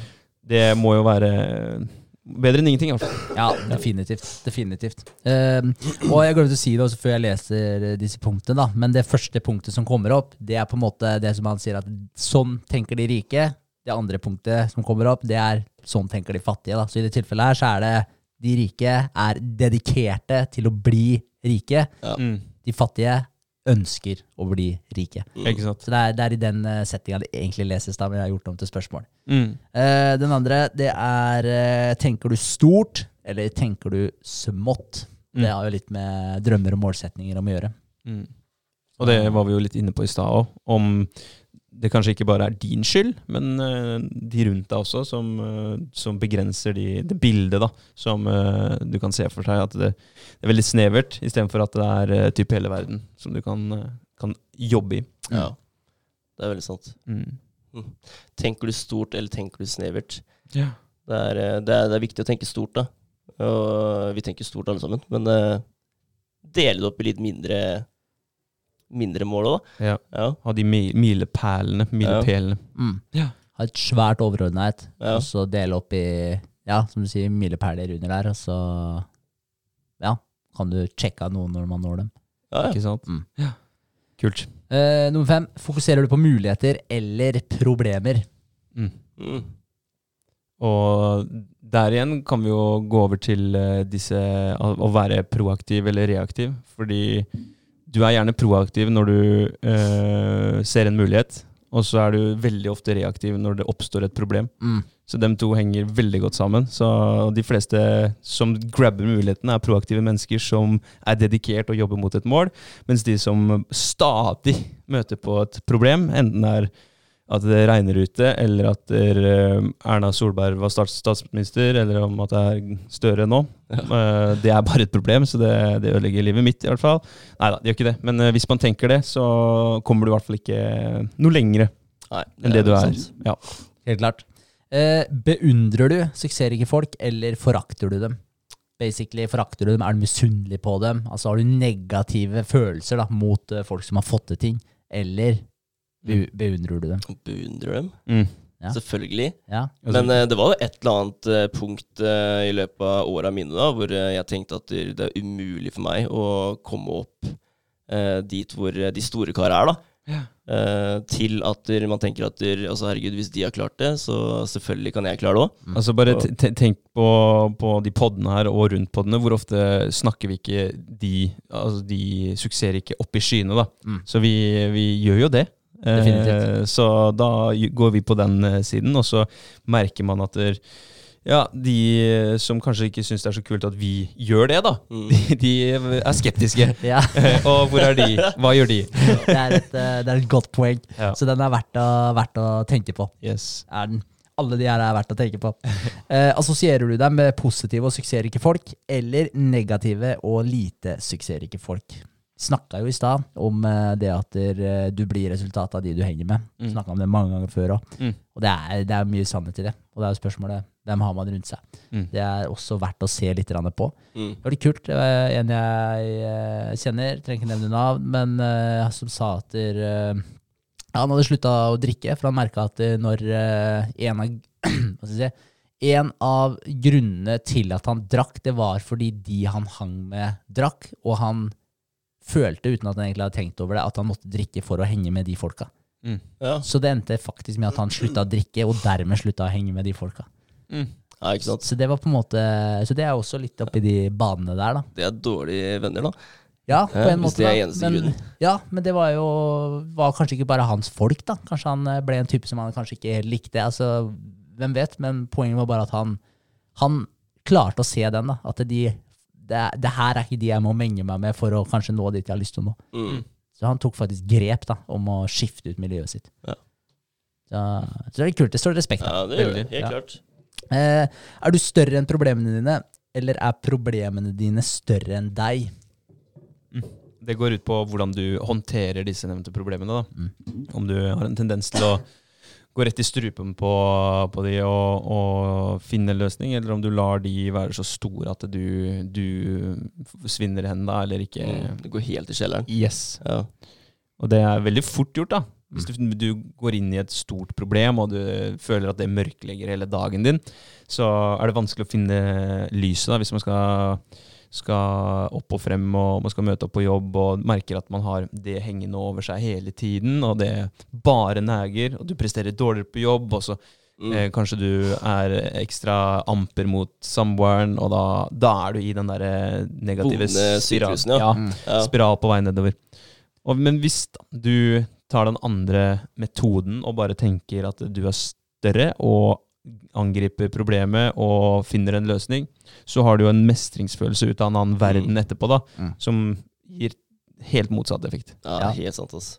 Så bare det å begynne å takle problemet, da, Mm. det, det er jo Head on. Ja, Mm. i stedet for å på en måte skyve det fra deg. Ikke, ikke åpne ikke utsette den, konflikten. liksom. Ja, Mm. Ja. fordi det kan jo ofte være det, noe av det verste man gjør. Å utsette problemer i stedet for å bare ta det med en gang. Hvile med det. For da er de ofte små. Det var en uh, kul eh, Jeg tror det er en sånn derre barnefortelling som, eh, som jeg hørte Jordan Peterson snakke om. Eh, og den er veldig illustrativ på akkurat det her. For det handler om eh, jeg, vet, jeg vet ikke hva den heter. Ja. Den heter liksom The Little Dragon eller et eller annet. Jeg er usikker på hva den heter. Mm. Eh, men eh, eh, der er det en liten kid da, som bare paraphraser den storyen her, da, for jeg husker den ikke helt i detalj, men poenget står. Der er det en liten kid som sier til mora si bare Ja, mamma, det er en liten, en liten drage på rommet mitt. Og hun bare er sånn Nei, det slutt å tulle, liksom. Det, ja, bare whatever. Og så begynner den, eh, den dragen å vokse litt. Og så sier han, eh, kiden fortsetter å si til mor si at det er en drage der. Hun fortsetter å bare ignorere den og si at, nei, at det ikke er noen ting. Og den dragen blir bare større og større. Eh, og, så, og det her går over et stykke tid. Eh, og til slutt så er den dragen helt jævlig svær, så åpenbart så er den dragen der. da. Det er liksom ikke noe tvil lenger. Eh, men, eh, men hun mora bare nekter å liksom anerkjenne at den dragen er der. Og så til slutt så er den så svær at den basically vokser ut av hele huset. da. Og da er det sånn derre Til slutt må hun adressere at den dragen er der. Og den illustrerer jo egentlig det med problemer, da. Dragene er problemet. Til Mm. å starte med så er det bare en liten greie som du kunne ha fiksa der og da. Men du venter, venter og venter, og til slutt så blir den så forbanna svær at du er nødt til å adressere det, for du kan ikke ignorere det lenger. Og da, Da er det for sent, egentlig. da er det ofte for sent. Mm. Faen, altså. Kunne flydd rundt på den dragen nå. Ja, Jævlig. ja for jævlig. Så, så det, er, det, er en, eh, det er en kul story, og det, det illustrerer det veldig godt. Akkurat det der med å ikke skyve problemene dine foran deg. Eh, Og problemene er ofte større og skumlere også før du har begynt å deale med dem. Mm. Som oftest så, så går det mye bedre enn forventa. Man uh, krisemaksimerer med en gang, ikke sant? Veldig. Ja, Ja, man gjør det. off.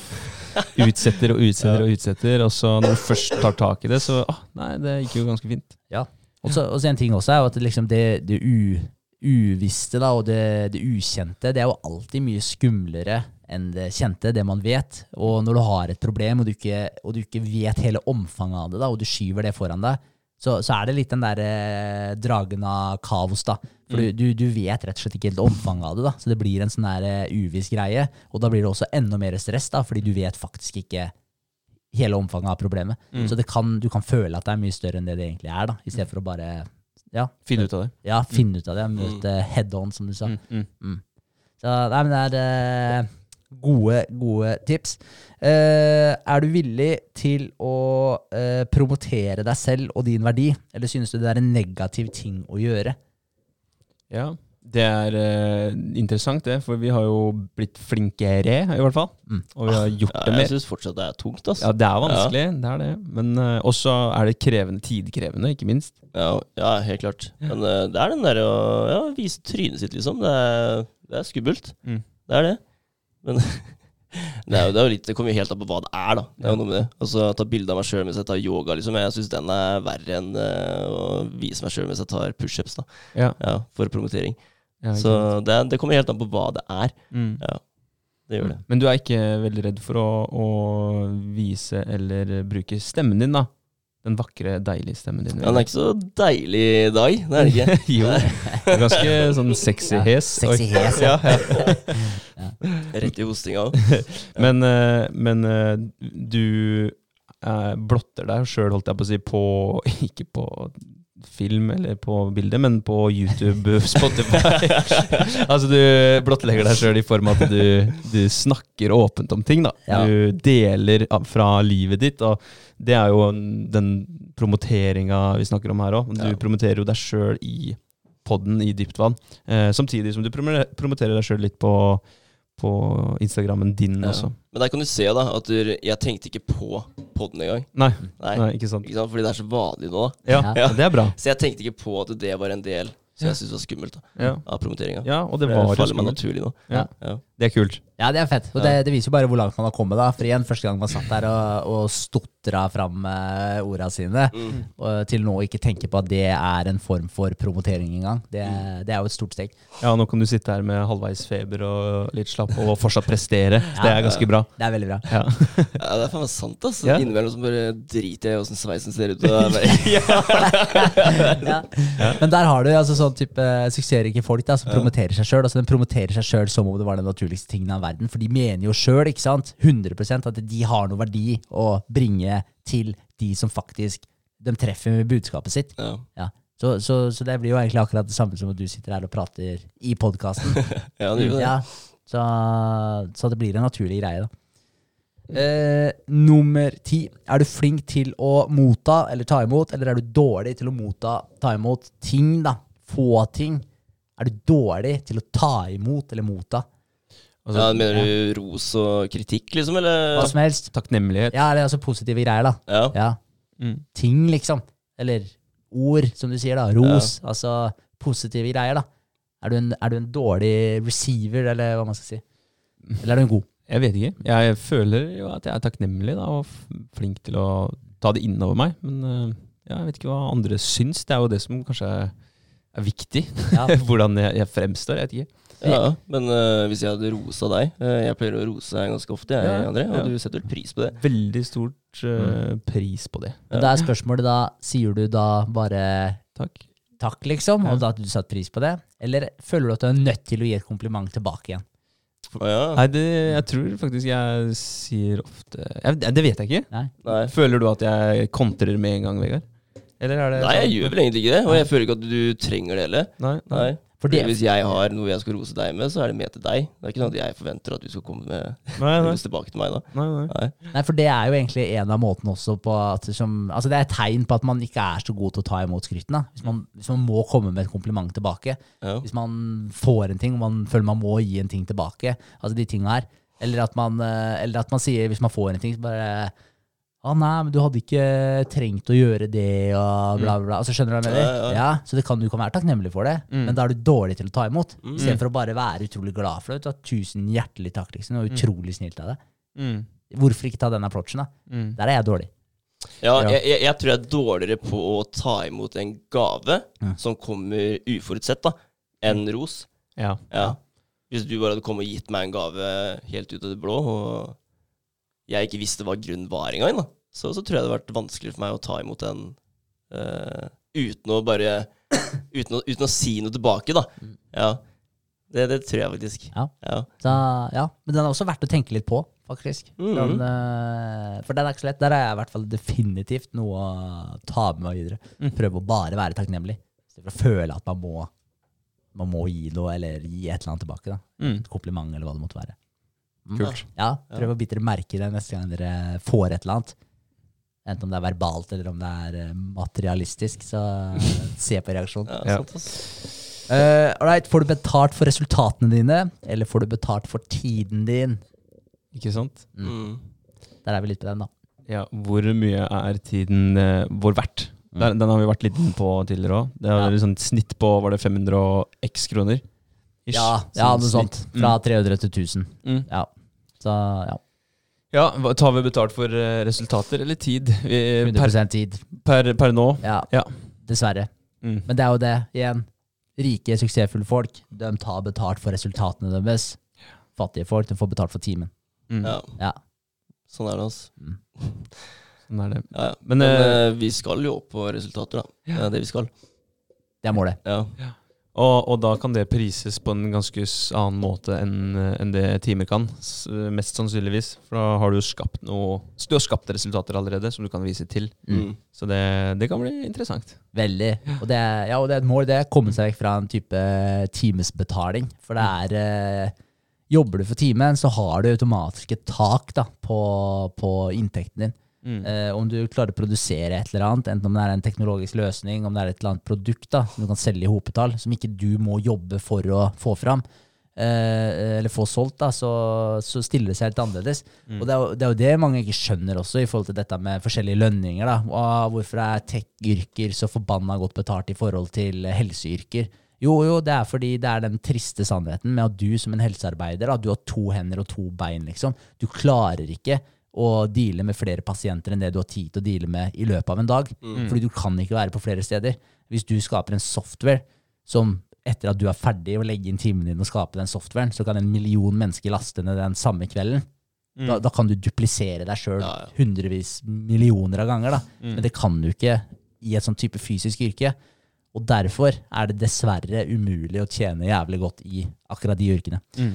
Så, så det er jo en logisk grunn til det. Selv om selvfølgelig jeg er jo helt enig i at de som jobber eh, i sånne yrker, er jo eh, hverdagshelter og burde selvfølgelig bli kompensert for det. Men eh, til syvende og sist så er det litt der det stopper. da. Mm.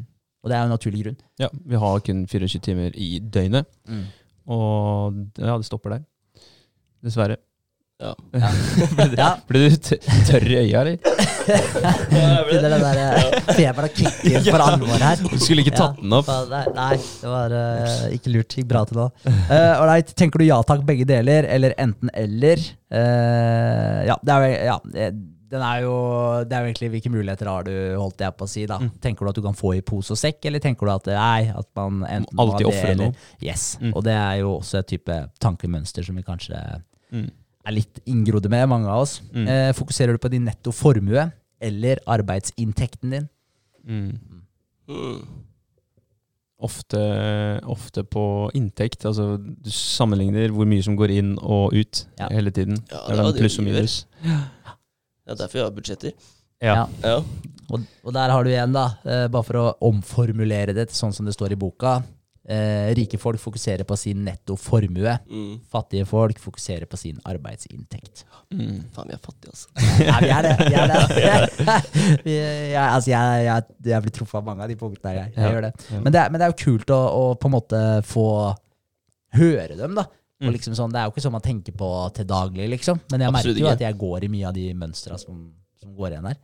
Eh, nå er det ikke så mange punkter igjen, det er vel noen få. Eh, er du flink til å disponere pengene dine? Så det er jo egentlig Are you good at managing Mm. money? Eh, og det er også en ting, det er i forhold til ja, budsjetter osv. Uh, om du allokerer eh, spenn til investeringer, eller om du bruker opp alt du har måned etter måned etter måned. Og som regel så tjener man jo litt mer for hvert år som går. Mm. Eh, og hvis man klarer å bruke opp lønna si hver eneste måned, selv om man tjener litt mer, ok, kanskje du burde begynne å se litt på Mm. ja, bruksmønsteret ditt. Mm. Så, for det er liksom, hvis du alltid har for mye måned igjen på slutten av lønninga di, så Mm. da er det kanskje du som gjør noe feil. Mm. Jeg bruker helt klart opp uh, lønninga mi måned etter måned etter måned nå, sånn som ting er nå. For jeg har aldri hatt så mye utgifter som det jeg har nå. Så, men eh, hva skal jeg si? Altså Det er utrolig tungt, den perioden her, å, å leve som uh, Vegard Dulund. Men, men igjen, da. Hvor utrolig digg blir det ikke når, uh, når det begynner å gagne seg, da. Mm. Da tror jeg man setter eh, veldig pris på det. Mye mer pris på det, da. Å vite hvor tungt man har det, hatt det. Mm. Og jeg vet ikke, altså penger det, Jeg tror du ser på penger på en helt annen måte også når du vet hvor tungt du faktisk kan ha det. er trist at det går utover helsa di og sånn, da. At du bor i så kaldt hus at du blir sjuk. Det er jo det er ganske trist å se på, så vet du hva. Jeg skal, Ja, så, så ille er det jeg var, jeg var kødda. jeg skaper Skape litt sånn fond for Vegard. Nei. En spleis. Spleis, Nei da. Men, eh, nei, men det er et poeng, det er et poeng, Vegard. Men det som skal sies, da, det er i forhold til hvordan du disponerer pengene dine nå. Mm. Ja, lønna tar slutt, men du investerer, faktisk Investerer. en porsjon av spenna dine. Du bruker det ikke på forbruksmateriell. Du bruker det ikke på piss du ikke trenger. Absolutt ikke. Eh, så det er jo faktisk eh, investering i fond, det er investering i bedriften, og det er eh, de andre tinga du trenger. da. Helt klart. Så, så, øh, og det er jo på en måte en vesentlig bedre måte å styre pengene på enn at der, eh, alt sammen går til eh, ting som du i utgangspunktet ikke hadde trengt. Ja, ja, altså hadde, hadde jeg ikke dytta det i Hadde jeg ikke investert i, da, så hadde jeg brukt det på noe dritt. Ikke sant? Ja. Ja. Mm. Helt klart, det er jeg sikker på. Ellers hadde du stått på en litt positiv saldo på bankkontoen og ikke renta seg, for det er jo ikke så mye renter å skryte av Ja, du tapt penger på det. Ikke sant? Ja, Mm. Det er veldig sant. Eh, får du pengene dine til å jobbe hardt for deg, eller jobber du hardt for pengene? Det er jo den siste, det er den siste der, da. Dessverre. Ja, det er det. Ja, ja Dessverre. enn så lenge. Ja. Enn så lenge. Uh, uh, ha, eh, ja, handler du til tross for fryktene dine, eller lar du frykt stoppe deg? Eh, Der er jeg- litt over på den første. Litt eh, innimellom. Altså, jeg har noen frykter, men allikevel så, så går man jo med Altså litt sånn all in-tankegang på enkelte områder. Mm. Så, og noen ganger så er det i penger, eller så er det i tid. Eh, og så må man eh, ja, se hva som skjer, da. Ja, Det er den risikoen. Lukke øya bare stupe ja, ja, men så er det litt den risikoen man må, må ta innimellom. Og så, som vi snakka om i stad, det er begrensa hvor dritt det kan gå. Er det ikke det han Harald Rønneberg har eh, sagt? Det er det, altså. Ja, så, Og det er det jo. I Ja, hvert er fall i, i det landet vi bor i per nå. Det er vel Så, sant. Det er vel sant. Ja. Det er det. Så litt risiko er lov å ta. Men jeg, jeg er helt enig. Jeg føler også at vi har beveget oss mer over i, den, eh, i det første sporet der. Mm. I hvert fall kontra hvis man ser tilbake. Ja. Så det er bra. Så jeg føler det er på vei i riktig retning. Det Det er, det er kult. Eh, siste. Søker du konstant utvikling og lærdom, eller tror du at du allerede kan det du behøver? Ja, der har vi også blitt veldig mye bedre. Ja, ja. Og jeg tror det er mange av dem eh, som har vinkla seg over på det første svaret, hvis vi tar gjennom hele lista der. Mm. Litt sånn samtidig med at man begynner å ta et steg ut av den deilige komfortsonen. Mm. Man tar, begynner å gjøre noe nytt. Begynner å treffe andre mennesker, eller begynner å, å bare ekspandere mindsettet sitt lite grann. Helt klart. Altså, Ja. du, du må uh, få mer lærdom. Mm. Vi må det. Ja. Ja, eller alle må jo det. Ellers så blir du jo stuck i den der komfortsona di og ikke kommer deg videre. Ja, men jeg, men jeg, ser på liksom, Hvis vi tenker at man, eh, man har en eller annen pendel da, som går fra ene eller til andre siden, så Ja. merker jeg at de fleste, de, uh, hvis det er en sånn form for magnetisme her, da, så uh, vipper over mot den eh, suksesssiden, rikdomssiden, av i hvert fall sånn jeg kjenner dere, og kjenner igjen meg selv litt, at det er, det er mer drag mot den ene siden enn eh, nå, etter Mm. at man begynte å ta litt steg vekk fra, fra det eh, faste mønsteret da, man eh, har levd i. Definitivt. Ja, ja. Jeg er helt enig, og jeg tror det hadde vært uh, interessant hvis uh, vi hadde sagt de 17 punktene her som det var. 17 punkter, Hvis vi hadde titta på dem uh, for si tre år siden, og titta på dem nå, så er jeg helt enig med deg. Mange av dem har begynt å tippe over til det første sporet. Eh, og, de som, og noen er selvfølgelig langt over, andre er, eh, er det langt fra. Eh, men men flere av dem er man jo klar over også og har lyst til å gjøre noe med, men man har bare ikke kommet helt dit ennå. Mm. Så da, helt klart. En annen ting som han, i forhold til det med tilegne seg lærdom òg, han T. Harvecker sa jo også at hvis ikke du er i den situasjonen som du vil være, da, hvis ikke du har fått til det du vil få til, så er det fordi det er noe du ikke vet. Mm. Det er veldig sant. Ja. For vi burde gå gjennom den lista der igjen eh, neste år eller noe, og se, se Ja. hvordan vi passer, passer inn der da. Ja, ja. Om da tikka med flere over på, på andre siden. Ja, Det hadde vært kult. ja, ja. Det Veldig kult. Vi har gjort det sånn regelmessig. Ja, Ja, ja. Hvert år så bare går vi gjennom den og ser hvor, hvordan vi ligger an. veldig, veldig lurt. Ja. Veldig kult. ja, en kul idé. Det hadde vært jævlig fett å gjort. Ja. Så jeg vil anbefale alle da å, å, å sjekke den boka. Den ligger gratis. Lydbok på, på YouTube. Eh, Secrets of a Millionaire Mind, var det ikke det jeg sa den het? Mm. Eh, Eller Secrets of the Millionaire Mind. Jeg er litt usikker, men dere finner den. T. Hard Ecker. Ecker, ja. Ja, Ekkel. ja. Ikke, ikke ekkel. Ikke ekkel. T. Harvey. Ekkel. Ekel. Nei, jeg syns det var vanskelig i stad, men det er lettere nå. Ja, Ja. takk. Det var, jeg prøvde å presisere eker, men det, da ble det fucka. Da ble det veldig Ja. Ja, Ja. ekel. Eh, så, så ja, så det var bra. Uh, ja, skal vi ta en uh, oppsummering av det som skjer med Oss. uka? Oss, Ja. firma, Kan vi gjøre. og så videre. Hvem er vi? Hvem er vi? Ja, skal vi ta en, eh, ta en recap? Ja, eh, jeg heter André Holter, og jeg eh, jobber som eh, master trainer, som det så fint heter, på nivåtrening. Så får dere en liten eh, status på Litt hvor, kult det, faktisk. hvor, jeg, ja, hvor jeg har eh, mesteparten av timene mine om dagen. Og der er det ganske mye som skjer. Eh, Vi har hatt eh, mye nye medlemmer inn. eh, Gjort noen stunt for å få til det. Eh, har et fokus på bedrift, så jeg har vært mye ute, eller mye. Jeg har begynt å kjøre en del møter ute.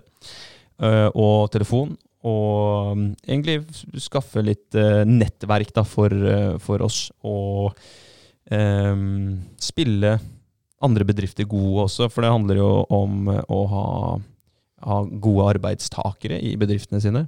Eh, man ser jo det eh, Min far eh, drev Jensen og Skjelle Auto og har drevet bil. Nå er han over i en ny rolle i eh, bakeridrift hos Espen Halkjær og, og Espen Villard. Det leste jeg i går, faktisk. Ja. Så han uh, har tatt over som eh, daglig leder der, eller fra over uh, sommeren. Uh, men han har nevnt tidligere, da, når de introduserte spenst-medlemskap i, eh, for sine ansatte, hvor bedriften betalte hele medlemskapet så fremt at eh, medlemmet eller arbeidstakeren brukte det minimum fire ganger i måneden, dvs. Si én gang i uka, som er veldig gjennomførbart. da sponsa, sponsa de medlemskap. Eh, og da så man, da, eh, etter at det ble introdusert, at sykefraværet bare droppa oh, yeah. med en eneste gang. Så bevegelse, aktivitet, det er en ungdomskilde og en kilde til gode arbeidstakere som ja, kanskje er litt mer effektive i jobben sin i tillegg. da. Kult. Eh, ja, det er mange, mange, mange, mange gode ting som kommer ut fra, fra sånne type greier. Helt klart. At du får eh, folk i gang. At du eh, får et lite samarbeid da, ut med, mot bedriftene. Men uh, det var egentlig altfor mye om nivå. Jeg skal over på det som skjer ved siden av. Jeg og Espen vi har hatt en liten runde før helga og en liten runde i går. Eh, og vi har eh, bestemt oss for å, ved siden av Nøyd nå, å selge litt greier. Eh, så nå, jeg har jo noen varer på, på veien fra, fra Kina. De har kommet til Oslo i forrige uke. Eh, så, Kult. ja, og i tillegg så har vi kjøpt opp den den nettbutikken vi snakka om. Dere har gjort det, ja? Ja, eh, som eh, Ja, det kan egentlig være litt on the down low. Altså, Jeg trenger ikke nevne navnet på nettbutikken ennå, for vi skal gjøre noen grep. ja. Men uh, vi har kjøpt en nettbutikk, fikk en god pris, og det er i, uh, i tråd med resten av ja, den butikken vi bygger ved siden av, da, i forhold til eh, de strikkende mattene og ballene som er på vei Eh, og har potensial for å få inn litt revenue, da, sånn at vi kan gå noen steg videre.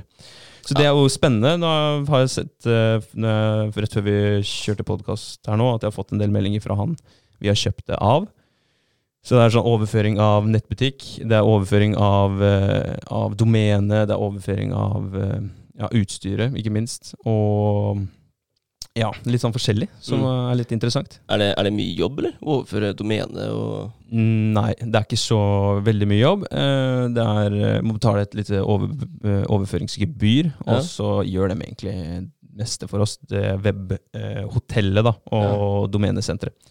Så det, det går veldig fint. Det- Så det er litt spennende. Da skjer det noe der. Og jeg tror For jeg har jo et eh, marked jeg kan, kan eh, gå inn i ganske kjapt. Jeg har jo det opptur, eh, oppturfolka mine, eh, og det er jo 200 deltakere der som Mm. er med på opptur over hele landet. Fra Halden opp gjennom Oslo og opp, helt opp til Bodø er det jo oppturdeltakere da. Kult. Eh, og alle bruker jo strikker. Så der har jeg et godt marked å begynne i, da. Mm. Eh, og det er strikker eh, som vi har kjøpt en del av fra, fra Kina. da. Nice. fett? Så litt eh, kult. Da har vi en eh, plan eh, A, og så har vi en plan B som vi jobber med Eller vi har to, to um, ting vi jobber med samtidig, da. Så vi har Nøyd eh, fortsatt, og så har vi nettbutikken for å få inn eh, litt mer cash ved si. Så det blir spennende. Ja. Det er første gang vi gjør noe sånt, så det regner jeg med at det går veldig fint. Ah, Fader, nettbutikk er morsomt, da. Ja. Se åssen det går. Det, det er jeg spent på. Ja. Og så er det litt uh, morsomt uh, å se hvordan vi kan uh, utnytte ressursene som vi får fra um, altså den eksisterende butikken som vi overtar. For der er det 50, eh, 52 eksisterende B2C-kunder, altså bedriftskunder. Mm. Eh, og så er det vel Nei, B2B. Eh, og så er det B2C-kunder to potensielle Var det to ganger tre Ja, 600 eh, som er på newsletter og har kjøpt, og kanskje har kjøpt igjen, da. Fett. Eh, så det er jo et, eh, et, også et potensielt eh, En potensiell eh, et potensielt arvesølv for oss, da, Ja. som eh, kan være gull verdt å benytte oss av. Kult. Så det blir spennende å se hvordan vi kan forvalte og foredle det nye prosjektet der. Ja, ja. Ja, det er stilig. ja, men det skjer ting, da. Herregud. Spennende. Det er, det er moro. Og, og så har vi noen andre ideer som skal settes til livs også. Men det, det, det, vi, ja, vi kjører på nå og har flere møter enn det vi har hatt tidligere. Så det, det er moro. Da får man litt vind i seila og litt momentum og kan høste av det etter hvert, forhåpentligvis. Det er litt viktig, altså det der med å, å få den kontinuiteten. Ha Mm. noe som skjer fra uke til uke, og, og ikke havne bakpå. Mm. For det er eh, utrolig hvor fort eh, Ja, du snakker om moment. Det er utrolig hvor fort man mister momentet. Og da er det tungt å dra det i gang igjen. Ja, ja. Så når du har det momentet oppe, og ting flyter, så, så går det så utrolig lett, da, og man blir bare mer motivert for å holde på. og så brått så er det et eller annet som skjer, enten du skal på en fest eller et eller annet, da, og så Mm. brått så kanskje ble det et par øl eh, for mye, kanskje, så du er litt sliten dagen etter. Får du ikke en så produktiv dag. Eh, og så kommer kanskje mandagen, da, så har du arbeidsdag igjen, og så har du pod på kvelden, så får du ikke gjort noe da heller. Mm. Og så har det brått gått tre dager typ, da, før du får gjort noe, og da har du Ja. mista hele flyten din, og så må du på en måte starte på nytt igjen. Og du er fortsatt sliten etter fylla. Ja. Ja, ja. Det henger i ennå. Ja, Ja, det er ikke kødd engang. Ja. Og, og, det, og man, det er jo så, så enkelt, og hvis du trekker sammenligninga over til gymmet også altså Det er jo kontinuitet, eller så, så skjer det ikke noe. Det er akkurat det. Så du møter du opp én gang i gymmet annenhver uke, Mm. så skjer det faktisk ingenting. Du kan holde, du kan vedlikeholde kroppen din, muskulaturen din, i opptil ti uker med én økt i uka. Men skal du ha framgang, så må du faktisk jobbe mer enn én gang i uka. Mm. Og det samme gjelder det med business. Og det holder ikke med den ene eh, lille arbeidsøkten eh, hver onsdag, da, for eksempel, eller hver tirsdag. Du må legge inn litt mer innsats. Du må ofre litt mer tid. Mm. Tida er den kapitalen du lettest kan spytte inn, da. For den har du hele tiden. Ja, det er akkurat det. Er Jeg hørte Andy Frisella sa i en podkasten hans så Han var sånn her, eh, Han hadde så bra moment, for han snakka om moment i den episoden. Og han sa han har så bra moment nå. Han hadde planlagt en ferietur sammen med familien, men han avlyste seriøst ferieturen sin fordi han hadde så jævlig bra moment at han måtte opprettholde det. Oh, ja. Og da kan du tenke Serr? Ja, ja. Og han sier at det, det er sånn suksesser suksessrike folk tenker på det her med moment. da. De Ja. kødder ikke med momentet sitt, liksom. Hvis de er i en god eh, rutine, da, og de har bra moment, fucker ikke de med det. De tar seg ikke en øl på kvelden og slapper av da, liksom. Da er det bare go, go, go. Og så avlyser de faktisk planene sine, da. Hvordan eh, er momentet med uh, samboerne? Sånn. Ja, bare han lot familien dra, eller? Det er, jeg, jeg regner, med, jeg regner sikkert med det, men, eh, men jeg, jeg vet ikke. Men, eh, men eh, jeg regner jo med at de kanskje har eh, fått eh, kartlagt eh, Det er jo ikke sånn at det aldri blir en ferietur i framtida der. Så jeg tror nok det Jeg regner vel med da at det er full aksept for det. Mm, vil jeg jo tro. er Eller ja, jeg vil jo tro det. Så, ja, nei, men Det er litt interessant da, å, å bare høre hvordan, hvordan han faktisk ser på moment. Og, og som han sier også, at det, det er sånn han, alle han snakker med og omgås med, da, det er sånn de tenker på moment. Ja, ja, Ja. men han er jo der han er i dag på grunn av det momentet. Ja. Han er jo det. Mm. Ja. Hadde han ikke hatt det eller gitt faen i det, så hadde han ikke vært der han var, er, eller? Absolutt ikke. Og så er det veldig mange som presterer mye bedre under et øh, visst en, en viss form for eh, stress. da. Eh, altså type alltid ha en deadline. Eh, Ja. Hvis man ikke har veldig mye å gjøre, så blir man ofte mindre produktiv. Det merker jeg veldig godt. Sånn som i det siste så har jeg fått litt mer å gjøre, gradvis, og jeg merker at det, det hjelper meg i å, å finne tilbake til momentet mitt. Mm. At jeg har fått litt mer eh, press på meg sjøl. Selv om det også kan sørge for at man blir sliten. Eh, men hvis man er flink til å ta vare på de gode rutinene rundt da, så kan man eh, både gjøre mye og tåle mye. Mm. Absolutt. Så, jeg, jeg merker at deadlines og litt hustle, altså det går i ett, det, det er ganske bra for min produktivitet i hvert fall. Mm. Ja, jeg støtter den. Så er det gøy, da. Sitte og jobbe altså Når man er flere, da. Mm. Sitte og jobbe sammen. Det er veldig gøy. Det er det jeg trives godt med. Ja, ja. Og, altså, vi jobber jo mye sammen uh, om dagen. Ja. Og det er, jeg, trives jo, jeg trives jo med det. Ja, ja. Sant? Det gir meg jo mye. Så, det, ja, så jeg syns synd på de som uh, faktisk sitter og gjør alt det her alene, da. Ja, ja, Ja. Ja. Mm. Helt klart. Ja, Bra. nei, skal jeg ta meg, eller? Kjør Ja, ja. på. Kjør på.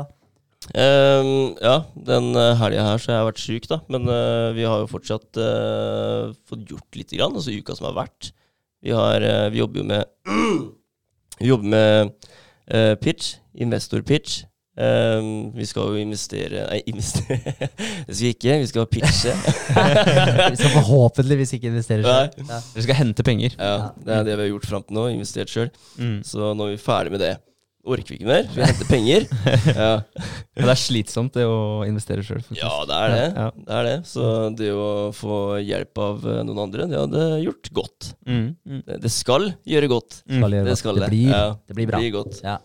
Eh, ja, så Henrik har gjort en veldig god eh, jobb med pitchen her, da. Ehm, og vi skal møte, møte folk etter påska.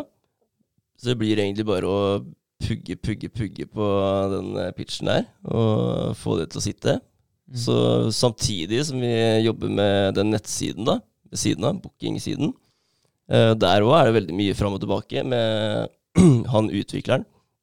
Og han sitter jo i Bangladesh, da, og vi må ta det her over, eh, over nett, videomøter. Veldig ofte nå, egentlig. Ja, det har trappa seg opp litt. Ja, Ja. Men uh, det er jo gøy, det òg, da. Vi må jo gå gjennom og se at alt uh, faktisk fungerer som det skal. Mm.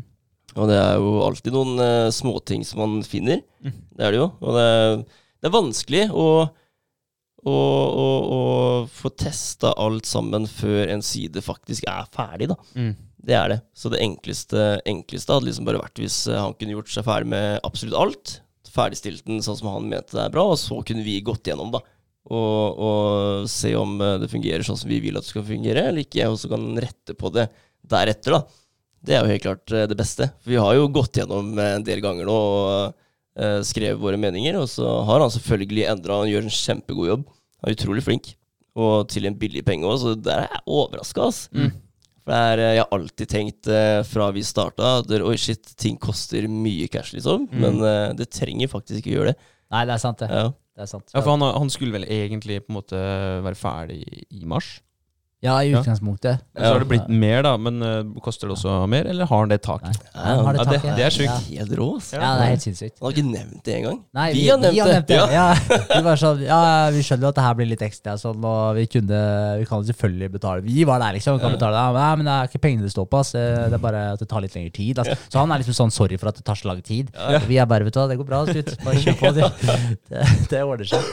Så nei, men det har vært utrolig bra. Flink. Så Veldig flink. Han er det. Og det er morsomt, da. Og det er jo klart, det er jo sånne personer man har lyst til å bruke igjen. ja. Mm. For det er uh, helt klart at det kommer til å skje ting med Eller at man vil ha mer ting på den siden, kanskje, som, uh, uh, som man vil implementere, da. Og da, da er han første, første personen vi kommer til å ta kontakt med. Mm. Sikkert, Mm. vil jeg tro.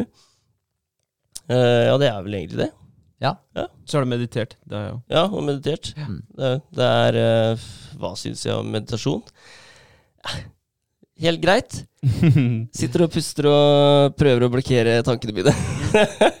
Men uh, jeg har ikke Spennende. Ja, jeg tenker etter eh, 30 dager, da, eller 31, eller hvor mange dager det er den måneden her, Det er så, 30 april. ja, så får jeg kanskje litt grep om det. Ja. Mm. Ja. Så det blir spennende å se ass, om uh, jeg bare elsker det etter den måneden der. Ja. Ja. Ja, for det, for det er en ting som er viktig å huske med meditasjon nå, er jo at det, eh, liksom, For det, det er så mange uh, som dismisser det med en gang. Ja. Og jeg har gjort det, jeg òg, før jeg på en måte ga det faktisk en ordentlig sjanse. Uh, grunnen til at jeg ga det en ordentlig sjanse, var fordi jeg kom på det. Fordi, det var fordi jeg hørte en podkast, JRE. hvor Jeg hørte Sam Harris og en eller annen journalist. Jeg husker ikke, jeg tror han heter Harris, han nå, faktisk. Jeg er litt usikker. Eller om han heter Sam et eller annet. Jeg husker ikke, men jeg tror de har et samme navn. Men Mm. eh, de snakka om meditasjon. eh, Og måten de snakka om på, så ble jeg sånn der Kødder du, liksom? For jeg hadde hørt podkaster med i hvert fall Sam Harris eh, før. Jeg tror kanskje han andre heter Ben, samme det. Mm. Uh, og, og da ble jeg, jeg ble veldig Hva skal jeg si? Interessert. Mm. Og jeg hadde, som sagt, jeg hadde hørt mye på Sam Harris før. Da, Jeg syns han er er veldig oppegående fyr og uh, likte mye av det han prata om. Eh, og så hørte at han mediterte. tenkte jeg, ok, Men da er det kanskje ikke så hippie shit som det jeg trodde det var. Ga det en sjanse, men da følte jeg jo ikke at jeg fikk det til i det hele tatt, som jeg nevnte i stad. Men du drar ikke på gymmen og forventer å bli i form etter at du har vært der en gang. Nei, Det det er det. samme prinsippet i meditasjon. Det krever øvelse, liksom. Du må tenke Ja. langsiktig. Mm. Ja, ja. Ja. Og, og jeg igjen da, som har holdt på siden jeg vet ikke, 2017. Ja, nærmer seg Fem år. Ja, faen, vi er jo 2022. Ja, ja så ikke sant? det så det begynner å bli en stund, da. Og, og da har jeg holdt på ganske jevnt da, i den perioden der. Men jeg føler jo fortsatt ikke at jeg er noen sånn der eh, master Yoda, da, for å referere tilbake til i stad. Eh, så, så, så det er jo på en måte en sånn ja, prosess, da. Mm. Men det er på et eller annet tidspunkt da, så, så knekker man jo litt mer koden, da. Gjør man jo. Og da føler man jo at man får et bedre utbytte av det. Ja. Så, så det er bare å kjøre på. Spennende å se på slutten av måneden om eh, ja, hva vi alle tre føler om eh, challengen. Mm. Ja, ja, helt klart.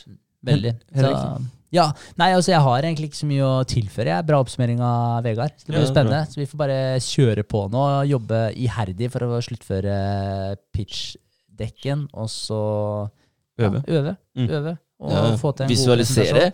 Visualisere, Ja. definitivt. Uh, visualisere at vi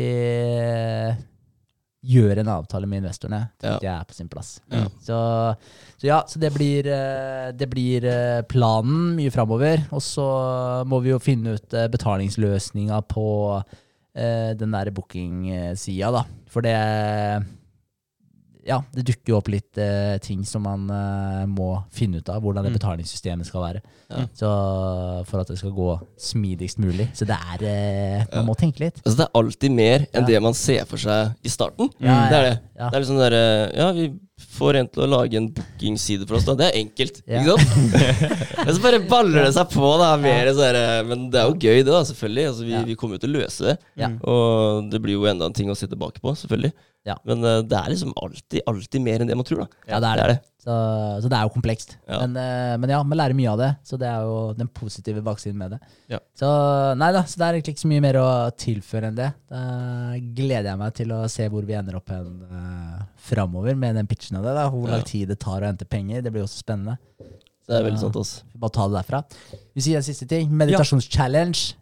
Til de som hører på, Ja. sleng dere på. Det er ikke for seint å bli med, selv om vi er fem dager ute i april. Så det er bare å bli med. Nei, da kan du gå fem dager ut i mai. Da. Ja. Ja, ja. Sett deg på rumpa og lukk øya. Ja. Pust. Ti minutter Ja. hver dag. Hver dag ut måneden. Det er, det er challengen. Så Ja. bare sleng seg med. Herlig. Finner oss på YouTube, Spotify. Følg oss på, på begge deler. Holdt jeg på Ja. å si subscribe på YouTube, Det settes Spotify, pris på. ja, Instagram, Facebook. Vi snakkes. Takk for nå. Takk for i dag. Ha det. Ha det